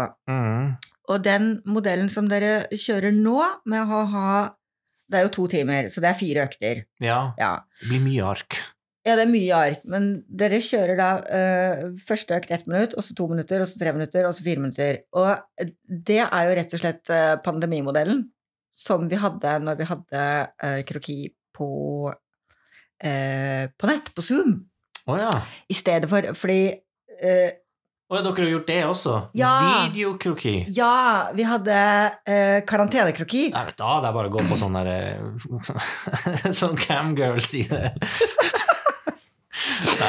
Vi hadde, vi hadde karantenekroki. eh, og da, i stedet for at jeg skal vise opp én, to eller tre fingre eller fire, da, Ja. for å vise antall minutter, hvor lenge jeg står, så sa jeg det er jo litt vanskelig å gjøre det gjennom kamera, og så skal de se det og få det med seg. Og da sa jeg til, eh, til veilederen, da, som eh, var Kjersti og jeg som utformet dette, så sa jeg det enkleste er hvis vi bare tar første økt på ett minutt, og så tar vi neste på to, og så på tre, og så på fire, så vet alle det. Og Ja. så slipper jeg Så går vi vekk ifra dette her under, under denne uh, Zoom-karantenekrokien. Ja, ja, ja. Men så har de bare fortsatt med det. Ja, så Fordi egentlig det var veldig praktisk. Ja, fordi det var praktisk eh, via kamera, så gjorde vi det sånn. Men så har man bare beholdt det. Ja. Så egentlig så er det jo litt sånn forskjellig. Eh, så Mm. i en økt på Arkitektenes hus, for eksempel, der er det først eh, kanskje eh, fem enere, fire toere og resten treere, da, Ja. for eksempel.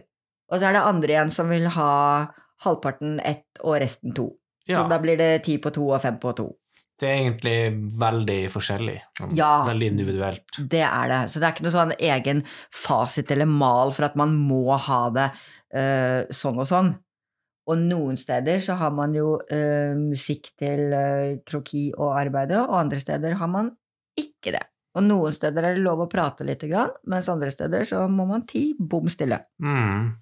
Jeg liker det at når det er litt prat, men det er jo gjerne fordi at læreren går rundt og kommer med litt kommentarer og innspill og mm. Så det er jo ikke likt overalt. Nei, det er jo ikke det. Og det er ikke dermed sagt at noe er bedre enn noe annet. Men, uh, så det er, jeg syns også det er veldig hyggelig når det er litt grann prat. Mm. Mens andre ganger igjen så kan det bli for mye, så da er det godt at eh, Ja, det er en sånn balanse. Du Ja. må, um, må ha klare, klare retningslinjer. Absolutt. Mm.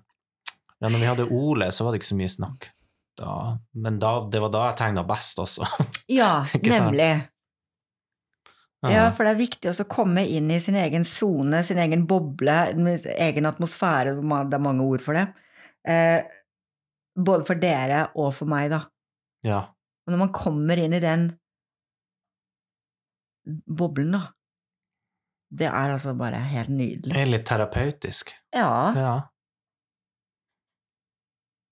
Ja, det er Og jeg har også sånne ulike opplevelser at eh, noen ganger så syns jeg det gikk passe, noen ganger bra, og andre ganger så har det gått helt fantastisk.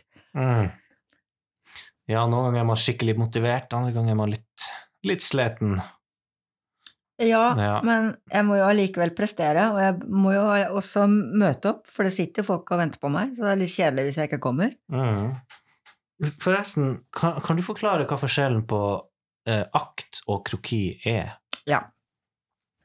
Kroki er et fransk ord som betyr raske skisser. Aha. Og nå i de senere årene så er det blitt lov å skrive det på norsk med K-R-O-K-I. Første gang jeg så det, så begynte jeg bare å le, og så gremmes jeg. Synes det var forferdelig. Ja, hvordan skriver man det? Man skriver det C-R-O-U-Q. Krokri? Vent, da. C-R-O-U-Q-U-I-S. Kroki. Krokvis? Ja, ok. Ja.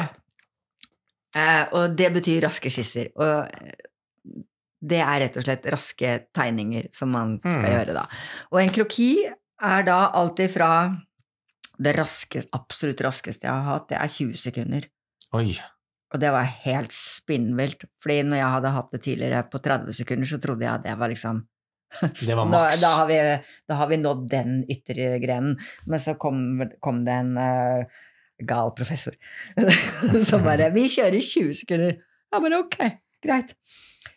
Men da, fra 20 sekunder, da, og opp til uh, maks 5, vil jeg si er kroki. Når det overstiger det, så blir det mer en studie.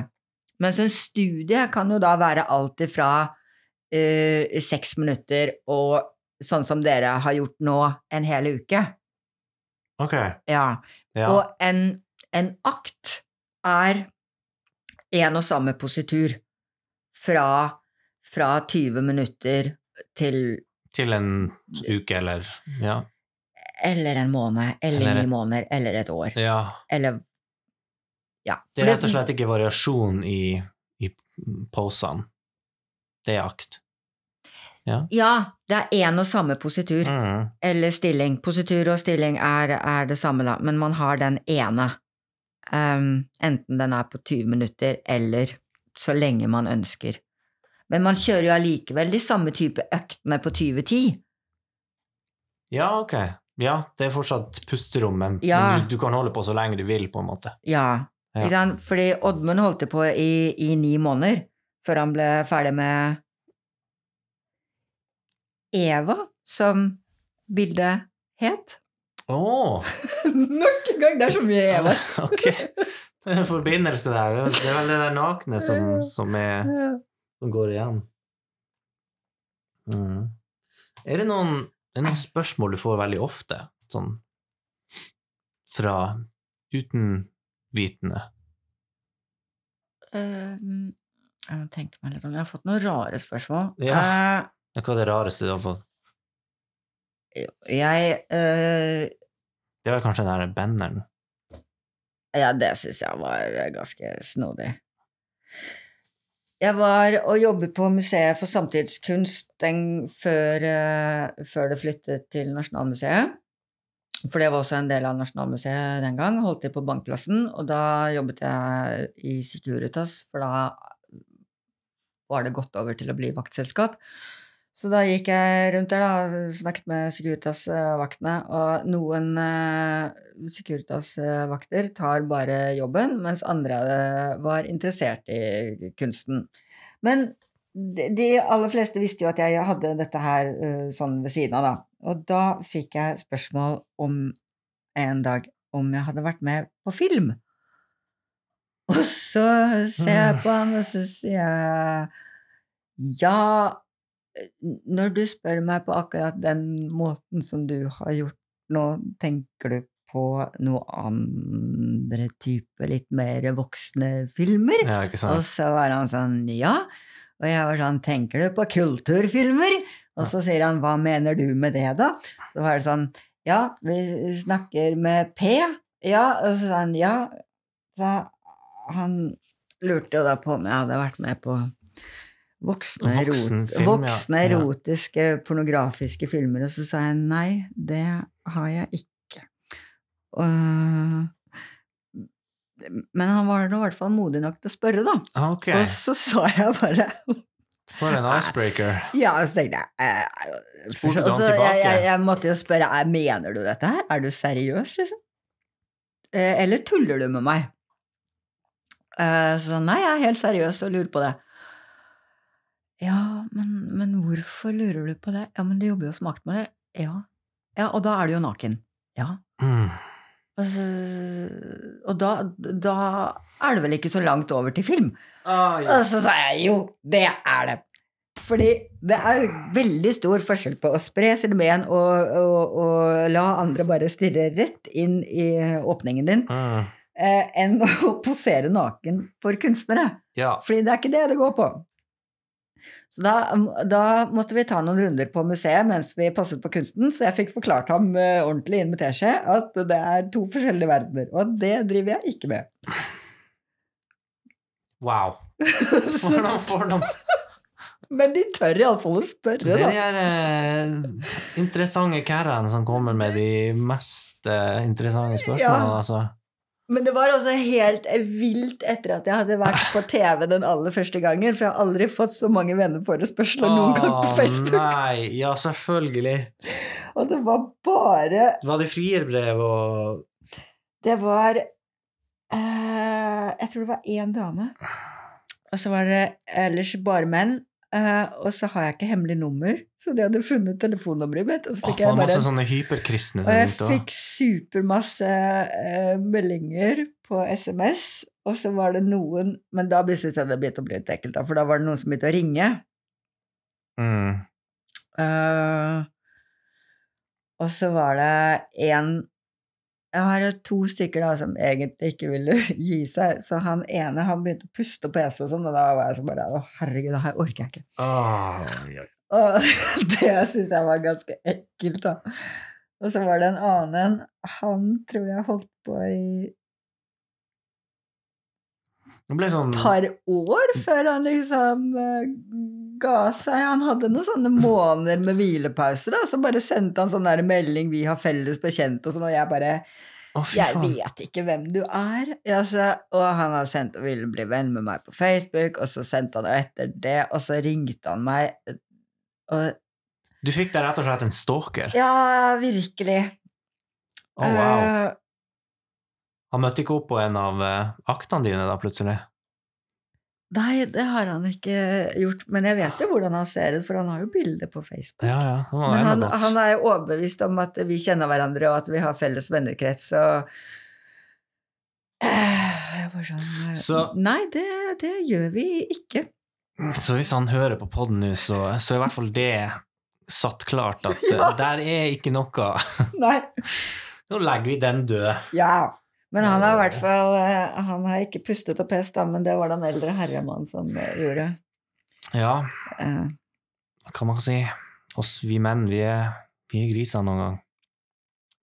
Men det er heldigvis ikke bare, ikke bare eller, Det er ikke bare menn, da. Det er, det er noen få damer også som har, har misforstått eh, totalt. Men heldigvis, de som er innenfor eh, kunsten Ja. og kunstverden, de vet hva det uh, dreier seg om. Og de som er elever og studenter og har en aktmodell for aller første gang, det går jo ikke så veldig lang tid før de skjønner greia, de heller.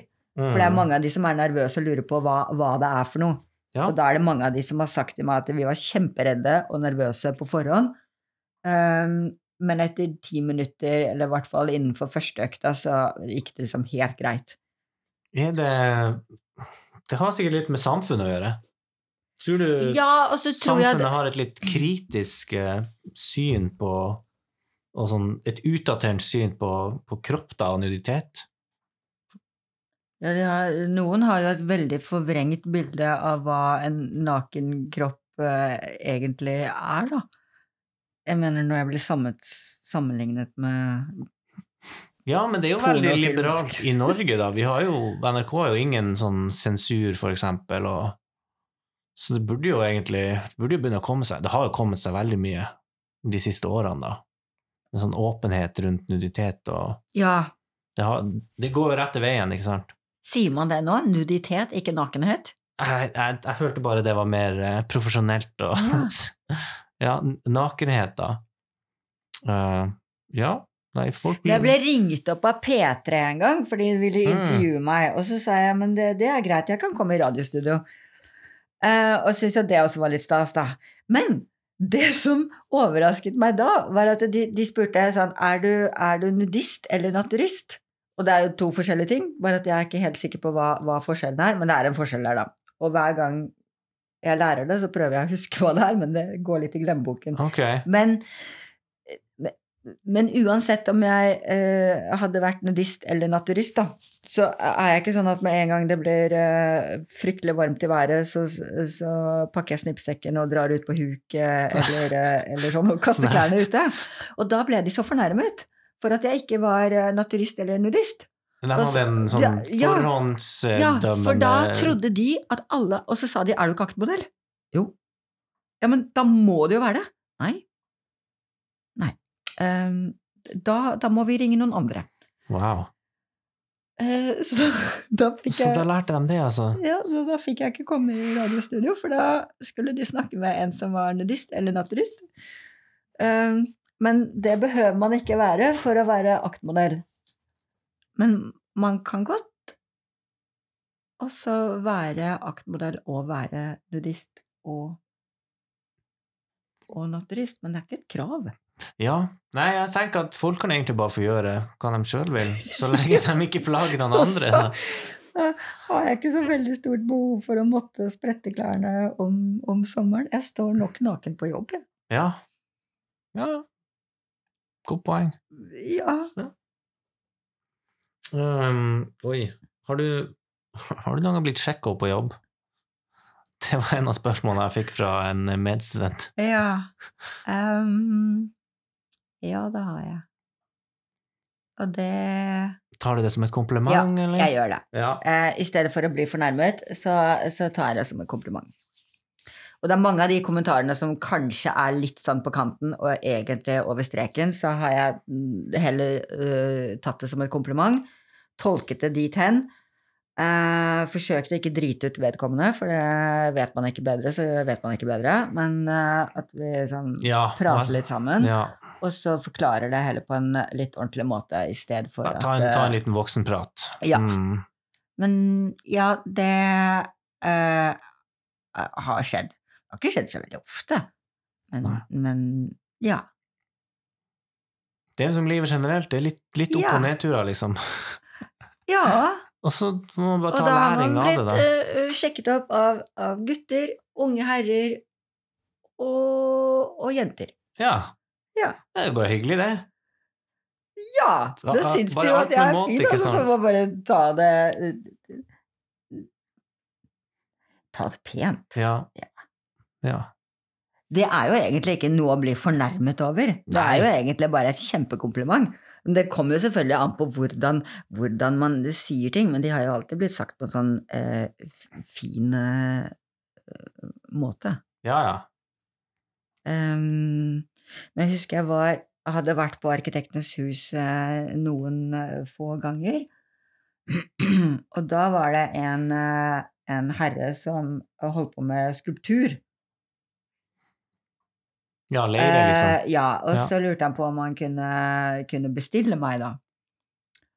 Fordi du spurte i sted om det hadde liksom Har det, har det skjedd noe som ikke skulle skje?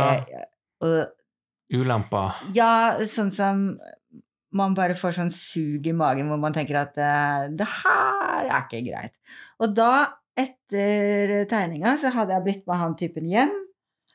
Eh, og det er jo ikke unormalt, det, for jeg har jo vært hos masse kunstnere uh, helt mutters alene, og drar jo langt opp i skauen Ja, ja. og møter 20 Det skal ikke være noe problem, liksom. Nei. Ja, og så var det bare han og meg, og så hadde han denne her skulpturen i stuen, og så sa han at han skulle jobbe med den, og da ble jeg litt sånn overrasket. Fordi den skulpturen var jo ferdig. Uh, så jeg skjønte liksom ikke hvorfor trenger du meg da? Og da eh, eh, begynte han plutselig å skulle ha eh, se på min eh, bakende. Og begynte liksom også å dra ned buksa. Og da var jeg sånn Nei, nå holder det. Nå vil jeg gå hjem. Mm.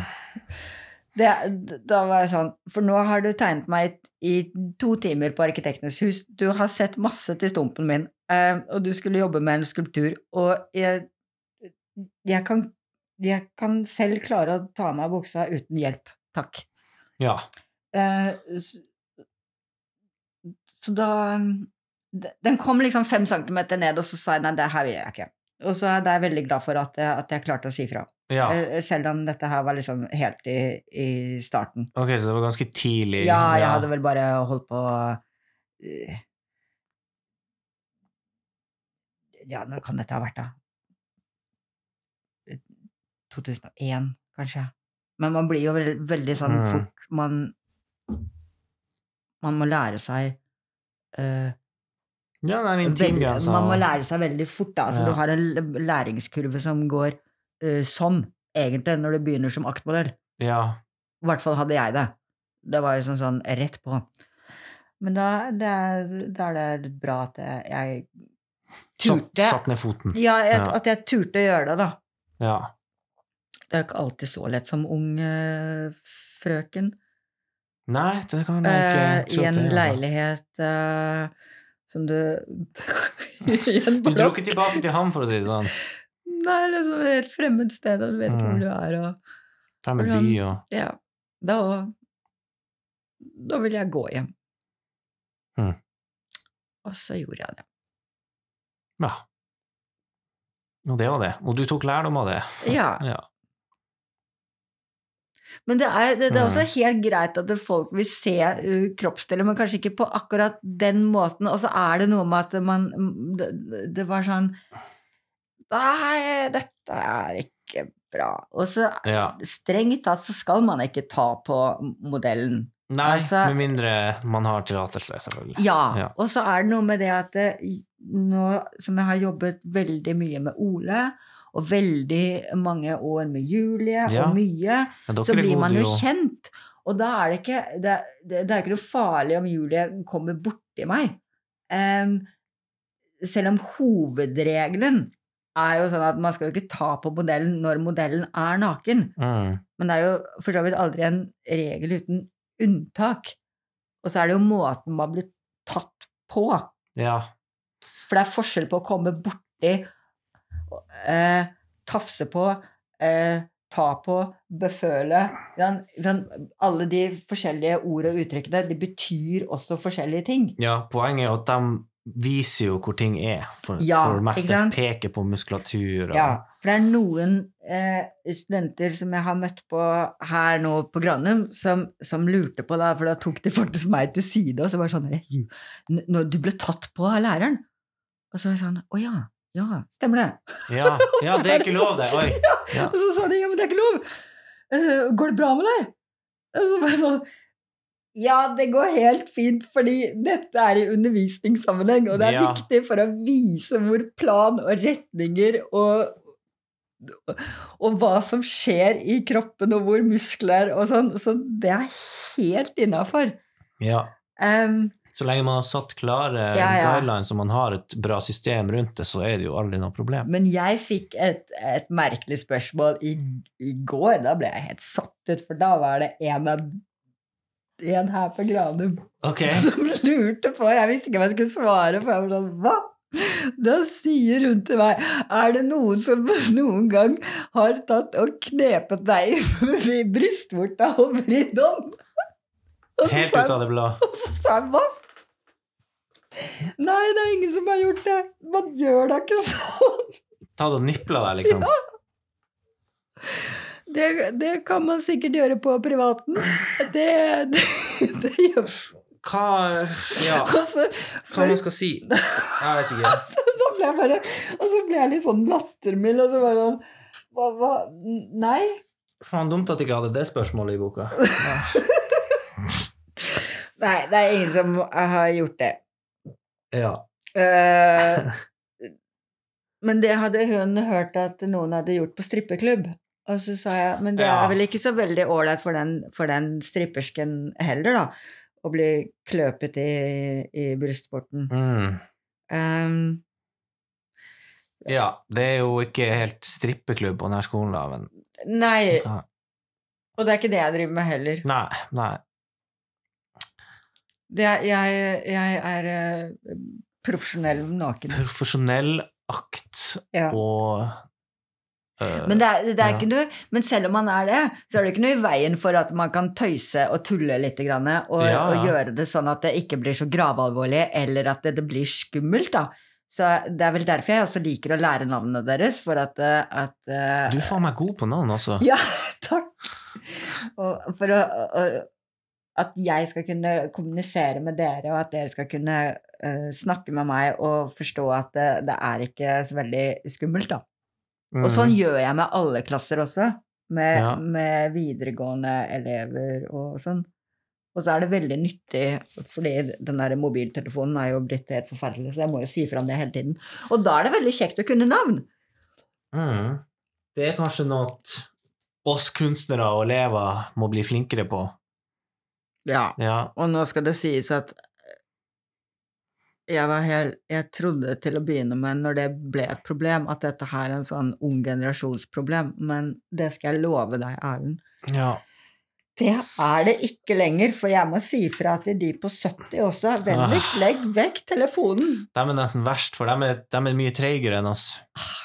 Helt. De skal Å ja, må bare finne ut av hvordan man skrur av Hvordan Hvor er lydløsknappen var igjen, da? Så står han der i to minutter. Fordi at jeg var, jeg var modell for ikke så veldig lenge siden. Um, uh,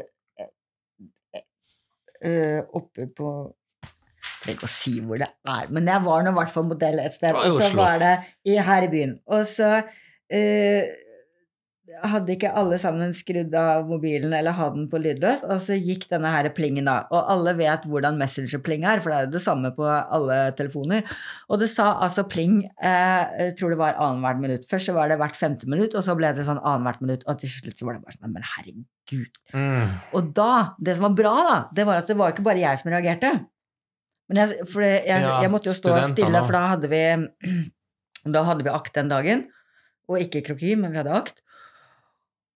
Og så hadde jeg, og så sa jeg det vel første og andre gang, og tredje gang så var jeg sånn her, jeg kan bare ta den av. Og heldigvis da, så var det de resterende tegnerne som da tok affære. Når pausen kom, så var det bare sånn, nå må du sette den på lydløs.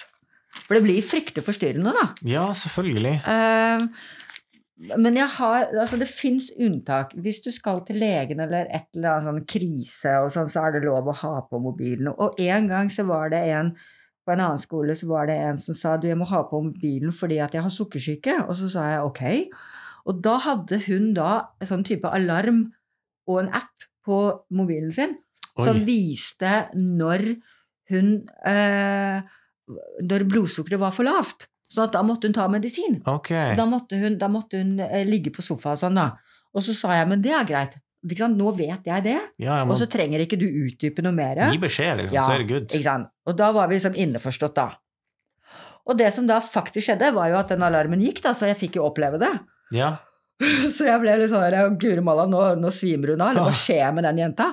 Men det, det som var så fint, da, det var at skolen visste om det, alle elevene visste om det, så de hadde jo da eh, en sofa i klasserommet. Så hun bare la seg ned, tok sprøyta si, lå oh, der i ti minutter, og så ulte den alarmen, og vi fikk den av, og ingen fikk panikk. Eh, bare jeg som ble litt sånn der Skal jeg fortsette å stå her? Hva skjer? Skal vi stoppe? Trenger de hjelp, eller? Så- Bare kjørte den sprøyta i armen, liksom. Ja, ja. Det var liksom helt vilt. Og så hadde jeg henne i øyekroken, og jeg var sånn derre Herre min gud. Og så gikk jeg og pratet med henne i pausen, og så sa jeg liksom Hvordan går det? Nei, det går helt fint. Og så var hun oppe igjen. Å, fy faen. Og så var jeg sånn Men ok, det er i sånne tilfeller at det er Ja. lov å ha mobilen. Og så hadde hun den på. Og da mm, Ja, det er bra. Da var det sånn Det er greit. Ja. Mm. Ok, nå har vi snakka en stund, da. Ja, vi har snakket veldig lenge. Ja, det er den lengste jeg noen gang har hatt, altså. ja, jeg, jeg visste at dette ville bli mye, og jeg har mer på lager òg, skjønner du. Kanskje du må komme tilbake en gang? Ja, jeg lurer litt på det. Men uh, vi kan bare ta avsluttende Er det her noe du vil holde på med til du er gammel? Jeg ser du tror deg selv, hvor ser du deg sjøl om ti år? Liksom?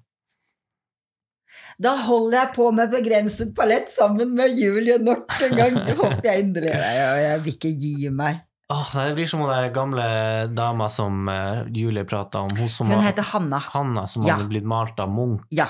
Liksom, hun Altså, begynte det- når hun var ung, og holdt det fortsatt på når Det hun var Hanna, og så var det Nusse. Og Hanna var litt stor, og Nusse var litt mindre. Ja. Nusse, nusselige Nusse. ja. Og jeg snakker med mange som har tegnet de, og malt de. Og det som er litt gøy, er at jeg har faktisk vært på utstilling sammen med Hanna. Ok. Uh, eh, med maleri av Hanna, og maleri av Charlotte. Lagd av Munch. Nei, ene, lagd av nevøen til Hanna. Ok. Fordi jeg kom på utstilling til Jan Erik, og så sier jeg Nei, men Jan Erik, så gøy. Har du, har du malt Hanna? Har du, har du Hanna på utstilling hos meg? Og da, Jeg vet jo at det er modellen til Munch. Eller var. Ja. Og så sier han ja, men du skjønner det, Charlotte, at det er ikke så rart, fordi at hun Hanna, det er tanta mi. så bare, ok. Ja, Åh, så bra. så det var veldig morsomt. Nei, men du blir jo fortsatt, i hvert fall. Ja, jeg Ja. kommer til å fortsette. Det er drømmejobben i dine øyne. Ja. Det er Ja. veldig det, det er krevende, men det er veldig hyggelig og lærerikt. Og så Ja, jeg liker det. Ja. Vil du, eh, vil du dele noe sånn sosiale medier? Hvordan kan man eh, booke deg, få tak i deg? Jeg har uh, telefon som man kan ringe på. Man okay. kan sende på SMS. Uh, og jeg har en Facebook-side hvor man kan skrive på. På Messenger. Ja, det er bare navnet ditt. Ja, det står Ellen Charlotte Vårs uten Aulie? Ja. Ellen Charlotte uten uh, mellomrom. Ja. Hvis man har mellomrom på Facebook, så blir jeg bare hetende Ellen, og det er jeg ikke. Ah. Men Ellen Charlotte er litt koselig, og så har jeg tittelen i mitt eget navn, Modellen Charlotte. Mm, men det er det jo. Du Ja. er ja, modell, skuespiller, aktmodell, Diverse. alt mulig. Nei, men eh, ja, da tusen takk du, for er du fornøyd? Vil du ha skal vi, Ja, så det som er at jeg har ikke flere spørsmål å stille. Nei, Jeg er veldig fornøyd, veldig fornøyd. veldig fornøyd. Det er bra. Uh, men uh, ja, Jeg- kan gjerne ta et nytt intervju en gang også. Ja, for jeg har, jeg har litt Oi, sånn. Jeg har faktisk enda mer ting som jeg kunne uh, legge til. Ja, men Og jeg vet ikke, skal vi ta det nå, eller skal vi ta det siden? Du skal bare prate. Ok. Fordi um, jeg, jeg, jeg er ikke så innmari god på sånn modellhistorie. Jeg skulle lest meg opp litt mer, men jeg kan bitte lite grann, da. Um, men jeg hørte fra Julie for et par år siden, så snakket hun om, om sånn, eh, hva de gjorde med modeller før, da. Og da hadde de gått ut i gaten og så hadde de hentet sånne gategutter. Altså, Ja, sånn nå snakker vi sånn, sånn, nå liksom. snakker vi sånn her i 1700-1800-tallet, da. Ja, ok, Ja. ja. Kanskje sånn litt før Oliver Twist-generasjonen. Eh, og da huket de jo eh, tak i disse her unge guttene, og så skulle de ha eh, ulike typer positurer, da. Og så hvis de skulle være engler, for eksempel, så dresset de dem opp i, i disse typer klærne. Og så eh, ble de bundet fordi armene skulle være sånn her, da, for eksempel, eller sånn. Og da når hun fortalte det, så kom jeg til å tenke på at eh, jeg har jo faktisk blitt bundet, jeg òg, da. og så sa jeg det til Julie, og så sa Med vilje, da. Liksom. ja, Ja. for da, eh, han som skulle ha dette kunstverket, han skulle male, han skulle male da eh, eh, en, en Kristus-lignende uh, person på korset, bare, Ah, ja, opp, bare opp ned. Ah, okay. Så jeg ble jo Så da måtte jeg jo fortelle denne historien for den klassen, da, og da var Julie sånn ja, Ok, da, da trodde du ikke at man gjorde det lenger, og så sa jeg men jeg har faktisk blitt eh, eh, hengt opp sånn som Bundt du- fast på et kors og snudd opp ned. Ja, sånn som du fortalte at de guttene ble, da. Og, og for hun hadde jo avsluttet med å si sånn Ja, men sånn driver man ikke med lenger. Nei, ok. Nei. Ja, men det, det har nå jeg blitt, da. Ja, wow. Ja. Og da hadde han kunstner tatt med seg en sånn assistent, som var da eh, en assistent bare for eh, å holde eh, meg, altså heve og senke meg og hjelpe meg med å, å Du heise måtte meg opp. passe på blodtrykket, Ja, ja. du måtte jo ha litt pauser. Ja, for det de hadde da, det var, det var en, eh, en stolpe, og så var det en sånn svær drager over, og så var det sånn eh, tykt tau, og så hadde de tatt med noe stoff da, så de ikke skulle lage sånne riper her, da. Ja. Så, det var ganske sprøtt, da, for det eh, De bandt Jeg måtte jo stole på det òg, da. ja. så, så det, jeg skjønner jo at utenforstående kan bli litt sånn Hva er det du driver med? Men da eh, bandt de eh, føttene, og så hadde de et bord som jeg først la på, eller lå på, og så, og så eh, eh, heiste de opp meg så får man at sånn. bare vridder deg rundt Ja, som et så jeg, jeg gikk oppover uh, sånn her, og så Mhm. måtte man jo passe på uh, hodet og nakken, man ikke får sleng på det, da.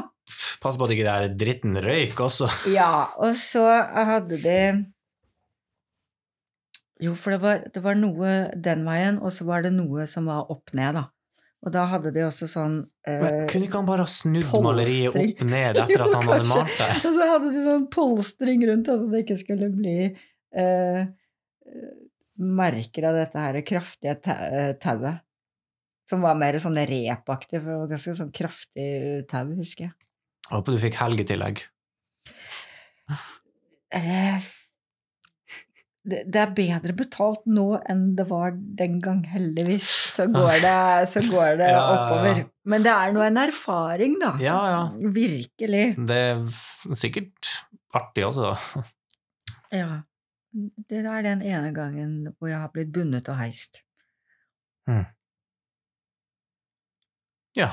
Men, uh, men de her kidsene som de tok inn, var det Hvorfor tok de dem fra gata? Var det liksom ingen som ville gjøre det, eller var det ikke lov ja, å for da eh, vise seg fram, liksom? Ja, og det var ikke nødvendigvis for å, å kle av dem, men for at de skulle eh, ta disse stillingene som Som de fleste ikke ville? Ja. Ah, ok. Og, og i, i riktige eh, gamle dager på den tiden så var det jo også veldig vanlig at man brukte prostituerte som aktmodeller, for de var jo allerede vant til å kle av seg. Ja, og ja, det gir mening. Det var, Ja. det var kanskje et litt annet sånn annen sånn holdning til det også i gamle dager. Det var jo litt sånn veldig kristent, og kvinner skulle jo kanskje ikke vise seg sånn fram. Og, Nemlig. Mm. Det var jo litt så- sånn samme som eh, anatomi og sånn. Det var jo ikke lov å forske på innholdet til folk og sånn før. Nei, nei, det det var jo kriminelt. Ja, ikke sant? Så det, før man fant man, ut at det var lurt å vite hva Ja. som var inni kroppen. Så da gikk man jo på sånn, eh, ikke likkjending, men man eh, gikk og gravde opp eh, likene og sånn på kirkegården. Ja. Eh, og så var det både kunstnere og, og legestudenter eh, som, som ble kriminelle, da, som da leide inn kriminelle, og så, Mhm. og så tok de og myrdet uh, uh, prostituerte og eh, oh, og, og uh, uteliggere, da. Altså de som var helt lavest på rangstigen. leger og sånn gjorde det Ja, for å ja ah, før, før det ble lovlig og godkjent, og at, at det er viktig da, å vite hvordan kroppen ser ut inni. Ja, ja, det var før den tiden, så det, mm. Nå skal ikke jeg komme med noe årstall her, for det, Nei, det nei. husker jeg ikke. Men I gamle dager. I veldig, veldig gamle dager så gjorde man det. Før det var Så det Ja, så ting har jo endra seg litt, Ja, da. heldigvis. Ja. Men det er jo fortsatt noen, uh, ikke så veldig mange, men, men noen som tror det at uh, eh, aktmodeller uh, gjør litt mer enn de egentlig uh, skal, da, med, hvis man jobber med én og samme kunstner over lang tid. Okay. Det kan jo selvfølgelig oppstå romantikk der, men det er ikke dermed sagt at uh, man ligger med, med kunstnerne fordi man er naken i atelieret til dem. Det er helt ok å være en muse og være til inspirasjon, men det, man, man ligger ikke med Gud og hvermann. Men eh, det, jeg vet jo at det er fortsatt noen som tror det, fordi jeg sto utenfor eh, et, et galleri, og så, og så var, var det bilde av blant annet meg og i, eh, i vinduet, og så sto det, og så var jeg på vei hjem fra jobb, og så var det sykleveien min hjem, da, Ja. og så sto det to gamle damer der, da, foran dette lille, søte galleriet. Og så sto de der og, og snakket, da. Og så overhørte jeg dem, da, og så var jeg bare sånn Ok, vi er der, ja. Fordi da hørte jeg sånn Ja, men du vet at uh, disse mennene, de syns jo det er fint med disse unge, unge damene som kommer til uh, atelieret deres, og, og de, de, de, de gjør nok mer enn som så. Ah, okay. Og jeg var sånn Ok, da vet jeg Og dette er ikke lenge siden, altså. Nei, nei, nei. Dette er sånn Ikke sant. eh, i, når, det, Dette kan være Jeg tror det var november. I fjor, altså. Ja, ok. Ja, så det er ikke lenge siden. Men husk at eldre folk, gamle damer, har jo gjerne litt andre Ja. Så, så de tenkte koffert med én eneste gang, da. Um, og det syns jeg er litt uh, interessant at du fortsatt uh, tror det. Ja. Nei, folk skal jo bare få gjøre hva de vil, egentlig. Men eh, er du i noe forhold? Ja, Ja. jeg har uh, en type. Ja. ja. Is it serious? ja, Ja. det er det. Vi har dingla sammen siden 2013. Ok. Ja, det er jo bra. Mm. Hvordan syns han Han syns forhåpentligvis at det er greit, det du gjør, og Absolutt. Ja. Ja, man kan ikke ha Nei, guri, det går ikke. an. Det går ikke an å ha eh, en eh, kjæreste som ikke kan godta jobben din. Nei. Og jeg har hørt om, eh, om det. Og da, eh, da har du feil partner. Eh, men for at han skal få litt bedre forståelse av hva jeg holder på med, så har jeg tatt den med på jobb. Ok. Ja. Så bare sånn, nå blir du med meg på jobb, og så vet du hva jeg driver med. Ja. Og så eh, møter du Så han har vært med på jobb flere ganger. Og så har han stått sammen med meg på jobb for å teste det selv. Ah, Ja. Så han har også vært helt nude. Ja. For en mann! Ja! Så han syns jo det bare er helt supert. Og så er det sånn Ja, det, det gjør du. ja. Ja. Og Mm, Nei, jeg kunne tidenes parterapi da, for dere. Og det er Det er helt forskjellig å, å, å, å tegne en naken person og så komme hjem og være naken med partneren sin, for da er man naken på privaten, mens når man er på jobb, da er man naken eh, profesjonelt. Og da, da sees det på med to forskjellige øyne ja. selv om han er min eh, kjære. Så hadde Så når jeg var på jobb, da var det Da så han etter eh, former og vinkler og akser. Da så han etter blodårene og alt eh, Ja. detaljene og Ja. mm. Det læreriske. Ja, Former og Ja. men det er jo bra. ikke sant? Det er jo ikke det verste. Det er jo eh, Det er blitt veldig trendy med sånn Onlyfans nå, for eksempel. Og, ja, det er jo Ja, som jeg nesten ikke vet hva er. Men det er kanskje bra, men jeg, jeg har jeg, Men man hører jo om det. Ja. Eh, Det, det, det er også bare et yrke. Ja. Men ja, kanskje litt annerledes. Ja, det er veldig annerledes, faktisk. uh. ja. Nei, jeg har ingen planer om å starte med det. Nei, nei, nei, nei. Hvordan ser eh, neste uke ut? Skal du være her også da? Da skal jeg være med 1C i klasserom 1A. Så det blir bra. Og så er det vel bare to kveldsjobbinger etter, eh, etter Granum, ja. Ja, du har vært der i en, en måned i strekk snart, eller mer? Nei, jeg var her i uke fire, Ja. og så var det et opphold i uke fem. Da var jeg andre steder. Mhm. Og så eh, skal jeg være her uke seks, syv og åtte. Ja. Så ja, til sammen så blir det jo en måned med et lite opphold på uke fem, da. Mm. Det er bra. Ja, det er veldig, veldig hyggelig og Ja. intenst. Jeg skulle ønske vi hadde enda mer tid, for det er så innmari mye som dere øh, skal øh, igjennom.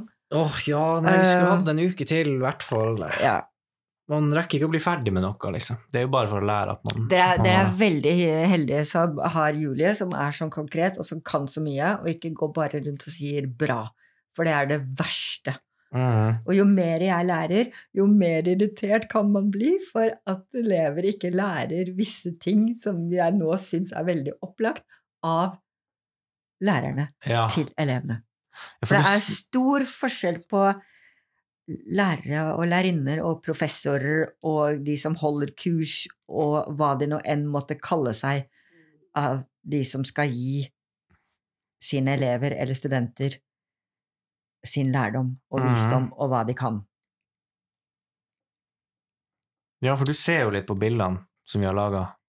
Ja, ja, det gjør jeg. Og så skal jeg helst ikke si for mye om det, ettersom jeg ikke er, eh, er læreren. Å ja! Uh, det, Så du, du gjør ikke det bevisst, liksom? Med mindre folk spør om Ja, nei, jeg skal helst ikke, ikke si noe om det. Uh, men det hender jo at det plumper ut. Ja. Altså, Noen er jo sikkert finere enn andre. ja! Sånn Oi, hva skal jeg ha for den her? men, jo, men det er jo klart. Ja, det, noen har jo anlegg for det, og andre har ikke anlegg for det. Og nå snakker jeg sånn ikke bare Granum, men sånn generelt, ikke sant? Verdensbasis. Ja. Og så, eh, ettersom man ser ting, så lærer man jo uh, ting også, så ser man raskere hva som er feil, og hva som ikke er feil. Men det dummeste er hvis noen bare går rundt og sier at uh, det er bra, og så påpeker de ikke hva Hva som kan bli som bedre. kan bli bedre, eller hva som er veldig tydelig feil, da.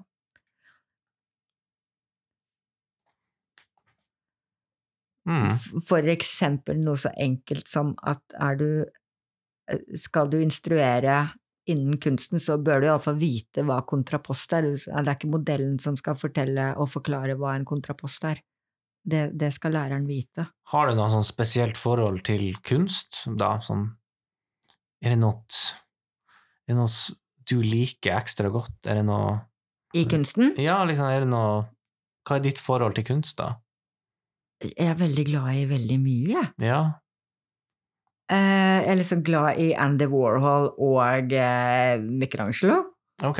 Så liksom, det er jo kjempespennende. Ja, du driver jo med mye som er relatert til kunst, da. Så, og på en måte så kan man jo si at det du gjør, også er kunst i seg sjøl, liksom. Ja, det vil jeg si. Det er jo nesten litt sånn performance art, Ja, ikke sant? det er det. Men har du tenkt over det sjøl? Ja, Ja. det har jeg.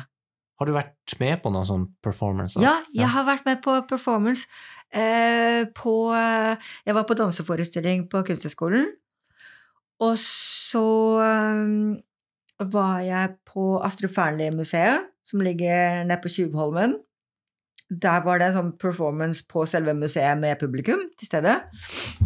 Det var veldig spesielt. Da hadde de fått inn Ah. en amerikansk uh, kunstner. Ok.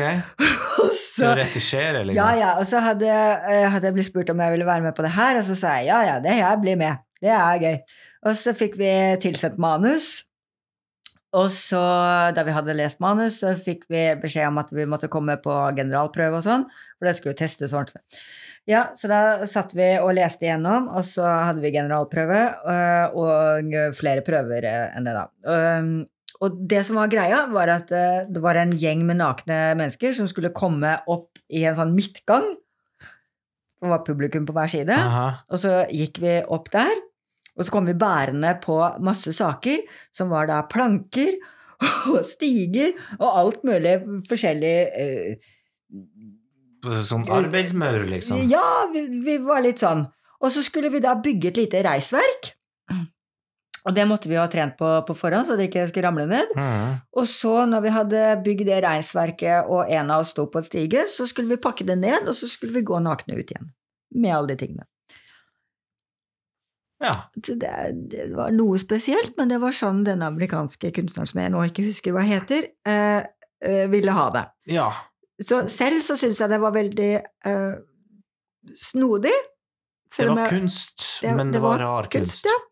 Uh, men jeg snakket jo med noen av publikummerne som var der, som også Og var de kunstnere. det sikkert. og de syntes det var så kult. Ah, ok. så var det sånn, ok, greit. Ah. Eh, ja vel. Uh, men jeg syns det var Jeg syns det var litt rart. Men det var veldig morsomt, men det var veldig merkelig. ja. Nei, det er mye, ra mye rare sånne kunstgreier. Det er det. Men det er bra, altså. Er Eh, ja, smak eh, og behag, ikke sant? Ve veldig mye smak og behag. Noen vil, eh, noen vil at du skal stå i en dusj mens de tar bilder. Eh, andre vil ha deg liggende på et stenbord, og noen skal ha deg klatrende opp i et tre. Mm. Eh, så det er sånn, ja, da gjør jeg det, da. Ja. Da, ja, foto til sånn magasin og sånn, da? Eller? Ja, eller, eller utstilling. Ja, utstilling, ok. For det fins jo eh, eh, fotoutstillinger eh, av, av nakne kropper også. Ja, ja, det, det, er jo, det er jo en helt egen sjanger. Det var jo Aktfoto. masse sånne Og det syns jeg er på, kjempegøy. på høstutstillinga i Ja. fjor. Ja.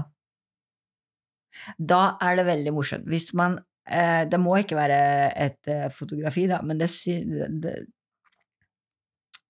Fordi det fins jo selvfølgelig malerier som også man ser med en gang at det er meg. Eh, Men Mm. da er det artig hvis man selv kommer på åpning. Jeg gjør jo ikke det bestandig, det er ikke bestandig jeg vet om det heller, da. Men hvis, hvis man kommer på åpning, og så står man rett ved siden av et uh, maleri eller et fotografi som man helt klart ser jeg meg, det syns jeg er bare, veldig morsomt. Mm, det her var ikke noe Det ser ikke ekte ut. Det ligner ikke på et menneske, det her. Er sånn, her, ligner, det, ligner ikke det der litt på meg, eller?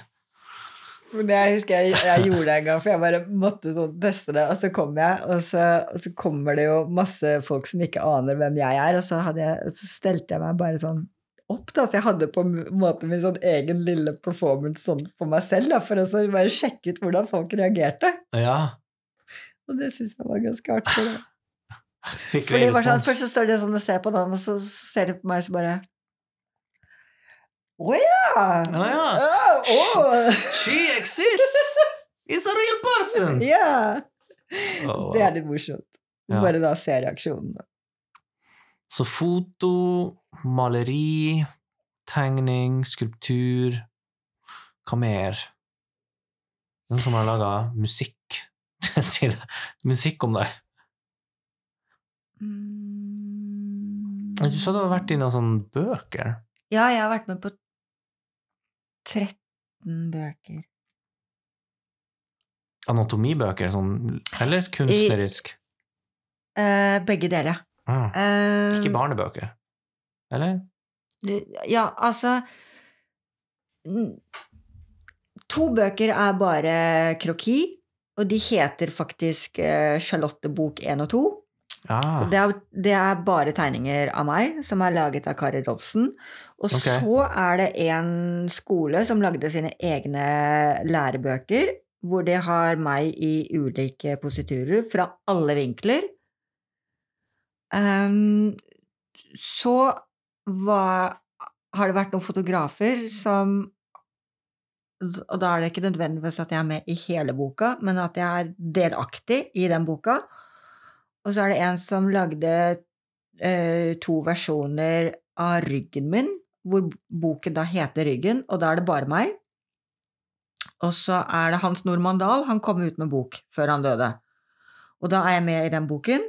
mm. Og så er det en kunstner som heter Crispin Gurholt. Han hadde et prosjekt for en del år tilbake som han kalte for Live Photo. Og da har han laget ulike serier av det, og jeg er med på Live Photo nummer 16. Og da var vi på Vigeland, og det var sånn, da skulle vi sitte stille, og så skulle vi liksom være et fotografi. Og det var en veldig kul prosess, da, fordi Ah. først så hadde vi Men tok han et bilde mens dere liksom ja, han tok masse bilder. Han tok ikke bare ett, han tok Ja. enormt mange bilder. Så da startet dagen på Vigelandsmuseet ekstremt tidlig. Jeg tror vi måtte være klare der klokka åtte, og så ble vi sminket, og så kom NRK, og så var det masse styr. Og så ble vi satt opp i det der rommet, og så skulle vi sitte musestille, og så skulle vi forberede oss til at publikum kom eh, sånn eh, sent på ettermiddagen. Og så satte de en sånn glassvegg da, som publikum kunne gå inntil, og så måtte vi sitte musestille, og så fikk vi beskjed om å stirre på en sånn prikk som var akkurat der. Skal du Å, man se? blir gæren av sånt. Ja, og da, og da, for du spurte her for litt siden, eller for en god stund kanskje, Ja. er det alltid 2010, og det er ikke alltid 2010. For da når vi var på Vigelandsmuseet, da hadde vi 25-5. Mm. Og det som var ganske heftig, pluss at man måtte stirre på den ene hvite prikken som var eh, akkurat der. Eller oh. for den som satt ved siden av meg, som var akkurat der. Fem minutter pause det per sånn- halvtime, liksom. Ja, og da i det bildet så var det da to aktmodeller, var meg og en annen, og så var det en som liksom skulle være fotograf, og så var det en som var tekniker, og så var det en som var sminkedame, og så satt eh, vi alle helt muse, muse, musestille. Men det som var så gøy, da, det var at NRK var der, så de filmet hele prosessen, og den gang så var det et TV-program som het Safari, okay. på, på TV før det het Nasjonalgalleriet, og nå tror jeg Nå vet jeg ikke om de har noe sånn kunstprogram lenger. Men det De ligger ute, i hvert fall. Jeg har lett etter akkurat? Safari, og Safari finner jeg ikke. Men jeg har i hvert fall vært med på Safari. Ja. Fordi det som var litt morsomt, det var at da hadde NRK vært med på hele prosessen og filmet eh, når vi ble sminket, og når de hadde ordna eh, alt sammen som skulle ordnes til det lokalet. Og de hadde til og med da eh, filmet eh, bookingansvarlig for disse modellene, og da hadde de vært på mitt modellbyrå, som jeg faktisk er med på et modellbyrå, som ikke krever at man må være så og så høy eller veie så og ja, så et mye sånn og lite. moderne modellbyrå, Ja, kan man kalle det. og så da hadde de jo filmet uh, derifra, og da hadde jeg allerede vært med på bok, så da viste de sånn bilder fra denne her erotiske kokeboken da, på TV. Så jeg ble sånn bare dobbelt ja. dobbeltpromotert. Så jeg bare Hei hvor det går. Og da, etter det her, for det tok det liksom aldri av, da ble det TV-program, og etter TV-programmet så eh, ble det bok, og så ble det utstilling i Berlin, som videre ble utstilt her i Oslo. Oi. Så da var jeg sånn Det her var liksom kjempesvære greier, da. Men ja, min aller første Ja. bok som jeg var med på, var en erotisk kokebok. For en bra start. Men, men Den har du hjemme i hylla, eller? den har jeg hjemme i er den du bruker når du eh, Og det får man fin julegave å gi til eh, vennene sine. Men det er forskjell på det, for det, på det seksuelle og det sensuelle, og det var jo det jeg sa i stad også, fordi at den Ja. er mer sensuell enn den er seksuell. Ja. Ja. ja. Og det Den er litt Er- sånn morsom. Den er ikke sånn pirrende, Ja. ikke sant? Mm. Men, men det er ikke over streken. ja. Og eh, ja, der står jeg og poserer med en klippfisk. Klippfisk. Ja. Ja, det, det er godt. Klippfisk. Ja, Ja. det kan man lage bacalao av. Så min er- oppskrift ja. er bacalao og er- østers. Er den svær? Står den, dekker den liksom til hele deg, eller? Jo, det, det, er- jeg syns det var litt morsomt. Fordi Ja. eh, de hadde Jeg husker når vi var i studio, så hadde vi tre klippfisker. Og så hadde vi eh, forfatteren, og så Det hadde er vi mye syke ideer ute og går, altså. Jeg vet. Og så, for jo, da hadde jeg blitt ringt opp, for da hadde jeg vært litt rundt omkring, og så ble jeg spurt om, eh, om jeg var villig til å, å være med på denne her erotiske kokeboken. Og Er så var jeg sånn er du allergisk mot fisk? Nei da, nei, det går bra. Ja, kom, kom hit. Så de hadde tre klippfisker i litt sånn forskjellig type form, da. Og så forfatteren av boken, og så en veldig dyktig eh, fotografdame. Husker du hva boka heter, forresten? Den heter Flørt. Flørt. Ja. Ah, ok. Det er, det er Flørt eh, bok én, og så er det Flørt bok to. Og den finnes faktisk i Nasjonalbiblioteket. Ok. For jeg, jeg For dem som vil uh, ta en titt. Fordi jeg var til Av og til så sjekker man eh, Så googler man seg selv, og så lurer man på hvor, hvor finnes jeg nå?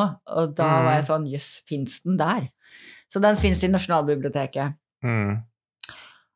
Og da har jeg da i en stående positur holdende denne eh, fisken sånn over skrittet, og så er den formet sånn at den smyger seg opp mellom brystene, da. ja. Og så er det et veldig godt lattermildt eh, bilde. Fordi eh, det er tatt akkurat i riktig øyeblikk. Jeg fikk så god kjemi med forfatteren, og Mhm. så eh, syntes han det var litt sånn morsomt også. så Ja, erte meg litt, da. Så han kom med sånne vitser hele tiden. Så akkurat idet jeg holder på å le meg i hjel med denne klippfisken, så er det tatt bilde. Ah. Så Det ble sånn der eh, Åh, hva heter det? Så det er et veldig sånn ekte, ekte bilde med ekte glede. Litt som Marilyn Monroe når hun står og smiler der, liksom. Det blir et sånn ikonisk øyeblikk. Ja, Ja. det er et veldig bra bilde. Jeg liker det veldig godt. Det var en veldig god, eh, morsom dag på, på jobb. Bare en, bare en vanlig dag som uh, akt- og krokodillemodell. Ikke noe utenom det vanlige. bli, bli hengt litt opp på Det kors skal- og posere litt fisk og ja, det er har litt du, vært, har du vært med i noen spillefilm? Eh, Ja, jeg har vært med i den siste revejakta. Å, den har jeg hørt om, men jeg har Ja. ikke. For de trengte halvnakne hippier som skulle røyke hasj. Ah.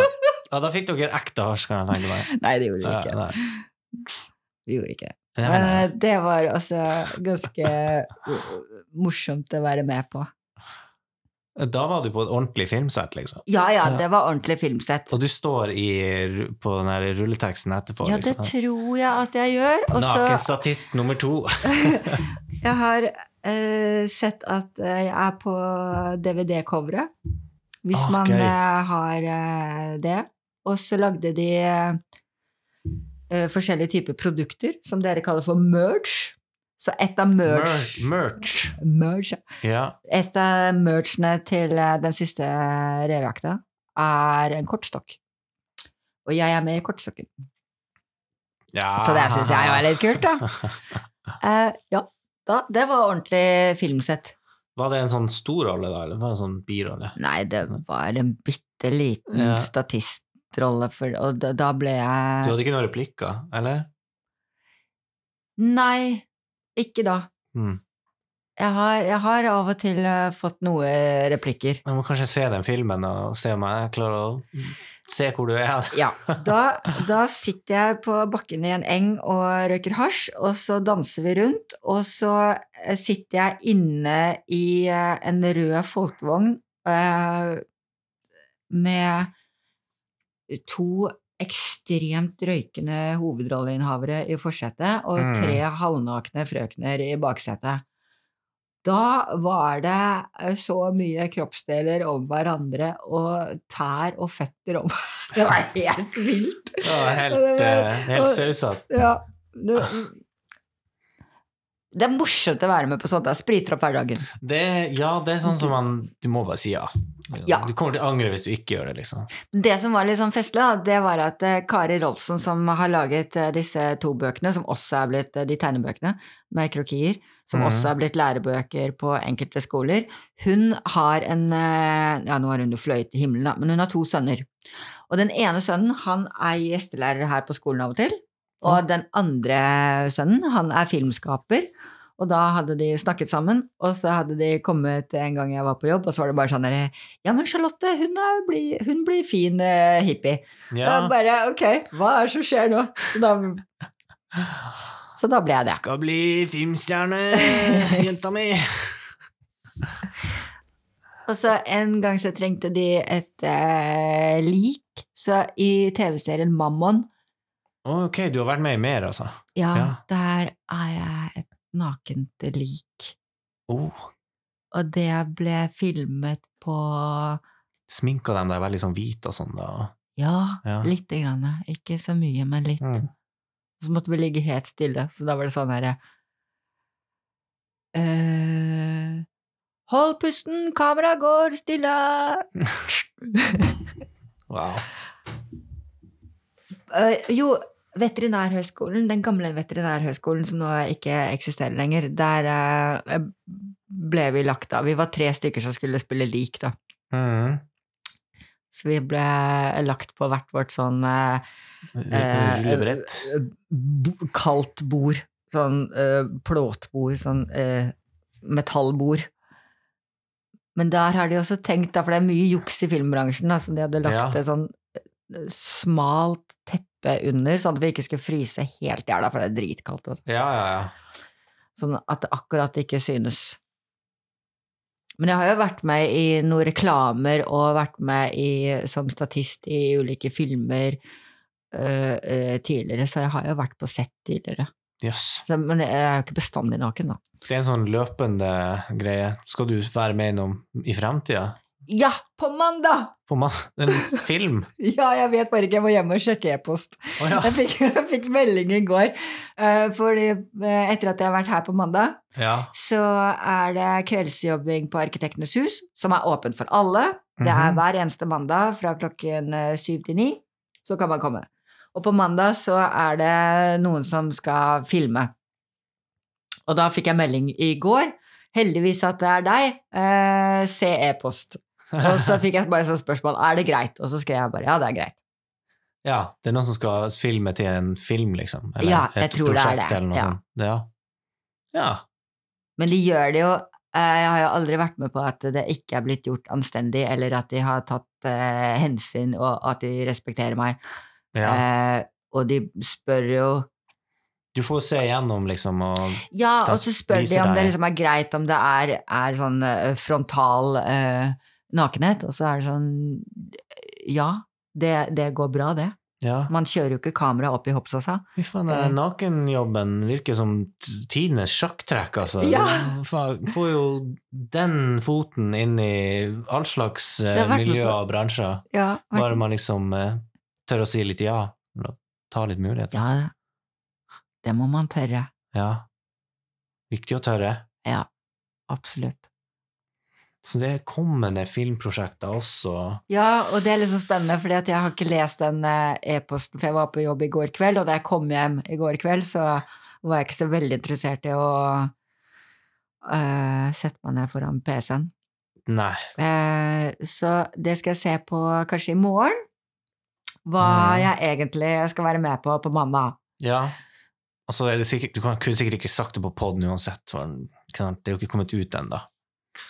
Nei, Nei. det har det ikke. Så det er jo klassifisert uansett. Men jeg bare følger med på, liksom, følger med litt på deg, så kanskje du poster det etter hvert. Ja. Ja. Viaplay. Uh, ikke sant? Nå har jeg vært med på så mye at jeg glemmer nesten hva jeg har vært med på. Men du, Viaplay. du har ikke vært med på Noen noe sånn reality? Du har vært med på Viaplay, i hvert fall. Mm, Jeg har vært på en Viaplay-serie. Ja. Uh, men eh, Nei, jeg har ikke vært med på noe reality. Eh, jeg har vært med på en Det er jo ikke reality, da, men jeg har vært med på en sånn kunst-TV-serie Ja. i flere episoder. Jeg tror det er seks episoder, og jeg er med i episode to, hvis jeg husker riktig, da. Som heter Thomas og den vanskelige kunsten. Men det er jo ikke noe reality, det er mer en sånn dokumentar Ja. og en fyr som utforsker uh, kunsten uh, Mm. med de ulike sjangerne, da. Og jeg var Jeg var med den gangen han skulle utforske det å være aktmodell, da. ja. Ok.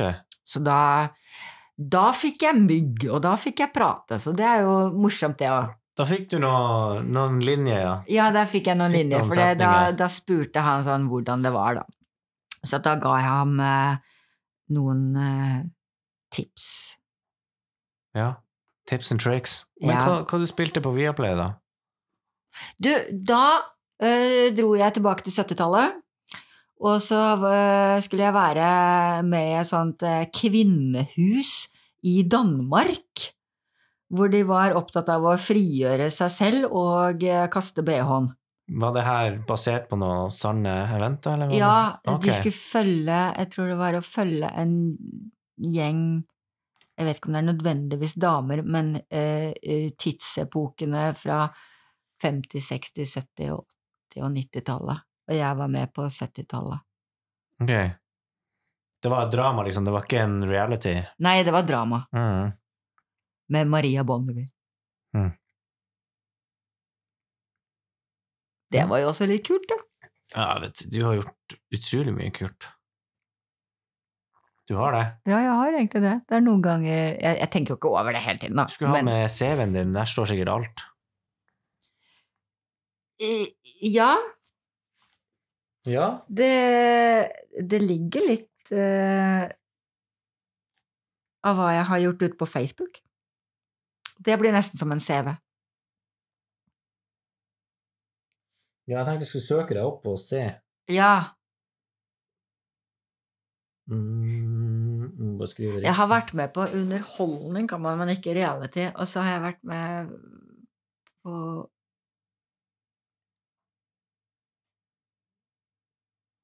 dokumentar. Dokumentar. Ja, jeg kaller det dokumentar. Skriver, du, føler- skriver du riktig nå? Nei. Nei.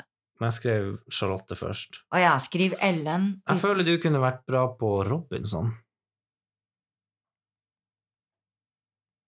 Robinson-ekspedisjonen, har du sett ja, det? ja, jeg har sett det. Der har vi det, vet du. akt, akt. Heartbreak, folk, reklamemodell slash skuespiller. Reklamefilm, skuespiller for EB-produksjon. EB, hva, hva er EB-produksjon? Er det sånn Jeg har hatt så mye jobber at jeg statist og modell for NRK? Galleri Vanntårnet, Nesodden Ja, ja. kunstforening. Ah, her er jo masse greier. Hille Melby Arkitekter. Kirkeparken Oi, du har vært på VGS, altså? Ja, ja. Masse videregående skoler. Steinerskole og Maleklubb. Nydalen kunstskole. Det, det, det stopper jo ikke. Du har lagt inn alt der. Ja, lagt Men nå husker jeg ikke hva EB er. Jeg tror jeg må se det selv. Ja, da kan du selv få bla videre. Ja, det er eh, et eh, modellagentur med alle mulige typer modeller i stallen sin, da. Så da kan de sende eh, folk til forskjellige oppdrag som reklamefilmer. Mm. Så jeg har fått litt jobb gjennom Everybody, da. Som nå kaller seg bare EB. EB. EB. Ja. Multiartist for rammerock. Ja! Det var så festlig. Jeg var modell i Frankrike. Så Så Here we go again! og, så, og så kommer eh, en, en eh, som var med på kunstnertur dit, som jeg ikke visste om eh, før jeg plutselig sier bare 'Å, du er han som er i den og den filmen', da. Så han heter Knut Husebø.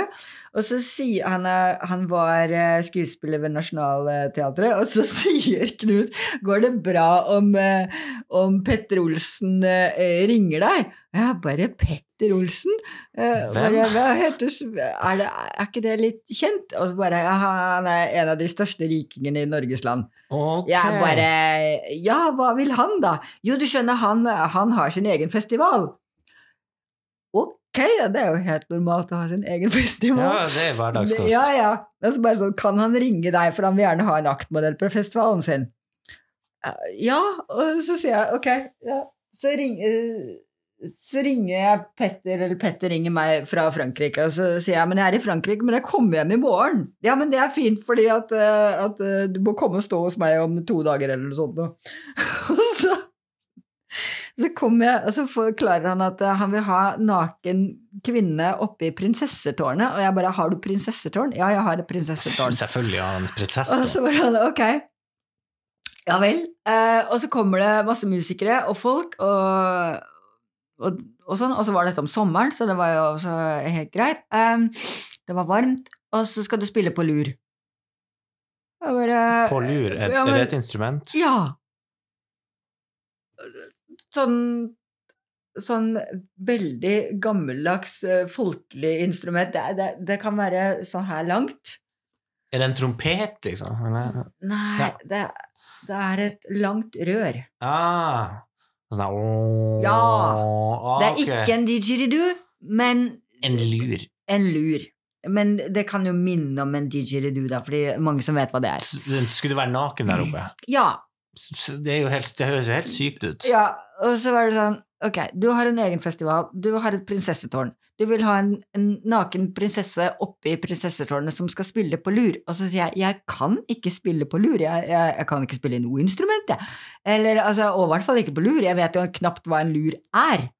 Nei, men du skjønner, jeg kjenner en lurspiller som skal sitte på lur og spille, og spille på lur mens du later som du spiller på lur.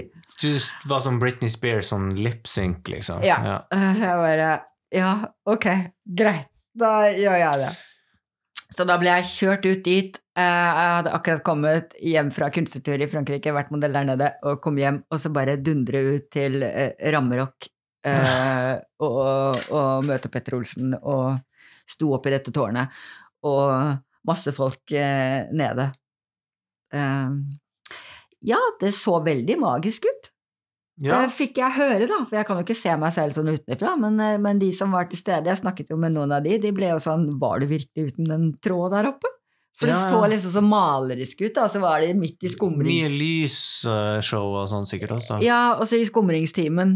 Og så Sto du der hele dagen, eller var det under en konsert, liksom? var under den konserten. Ja. Hvem spilte? En profesjonell lurspiller. Ja, ja, men konserten, var det en lurspiller? Eh, det, altså, det husker jeg ikke. Nei, ok. Eh, Det var ikke Karpe, liksom? nei, nei, nei. Nei, nei det husker jeg ikke. Nei. Eh, for da var det så mye som skjedde akkurat i, i, i det lille tidsrommet. Fordi da hadde man vært helt ekstase over å, å være modell i Frankrike med så masse flotte mennesker. Eh, og så plutselig ble man bare kastet inn på en privat egen festival oppe i et prinsessetårn. Mm.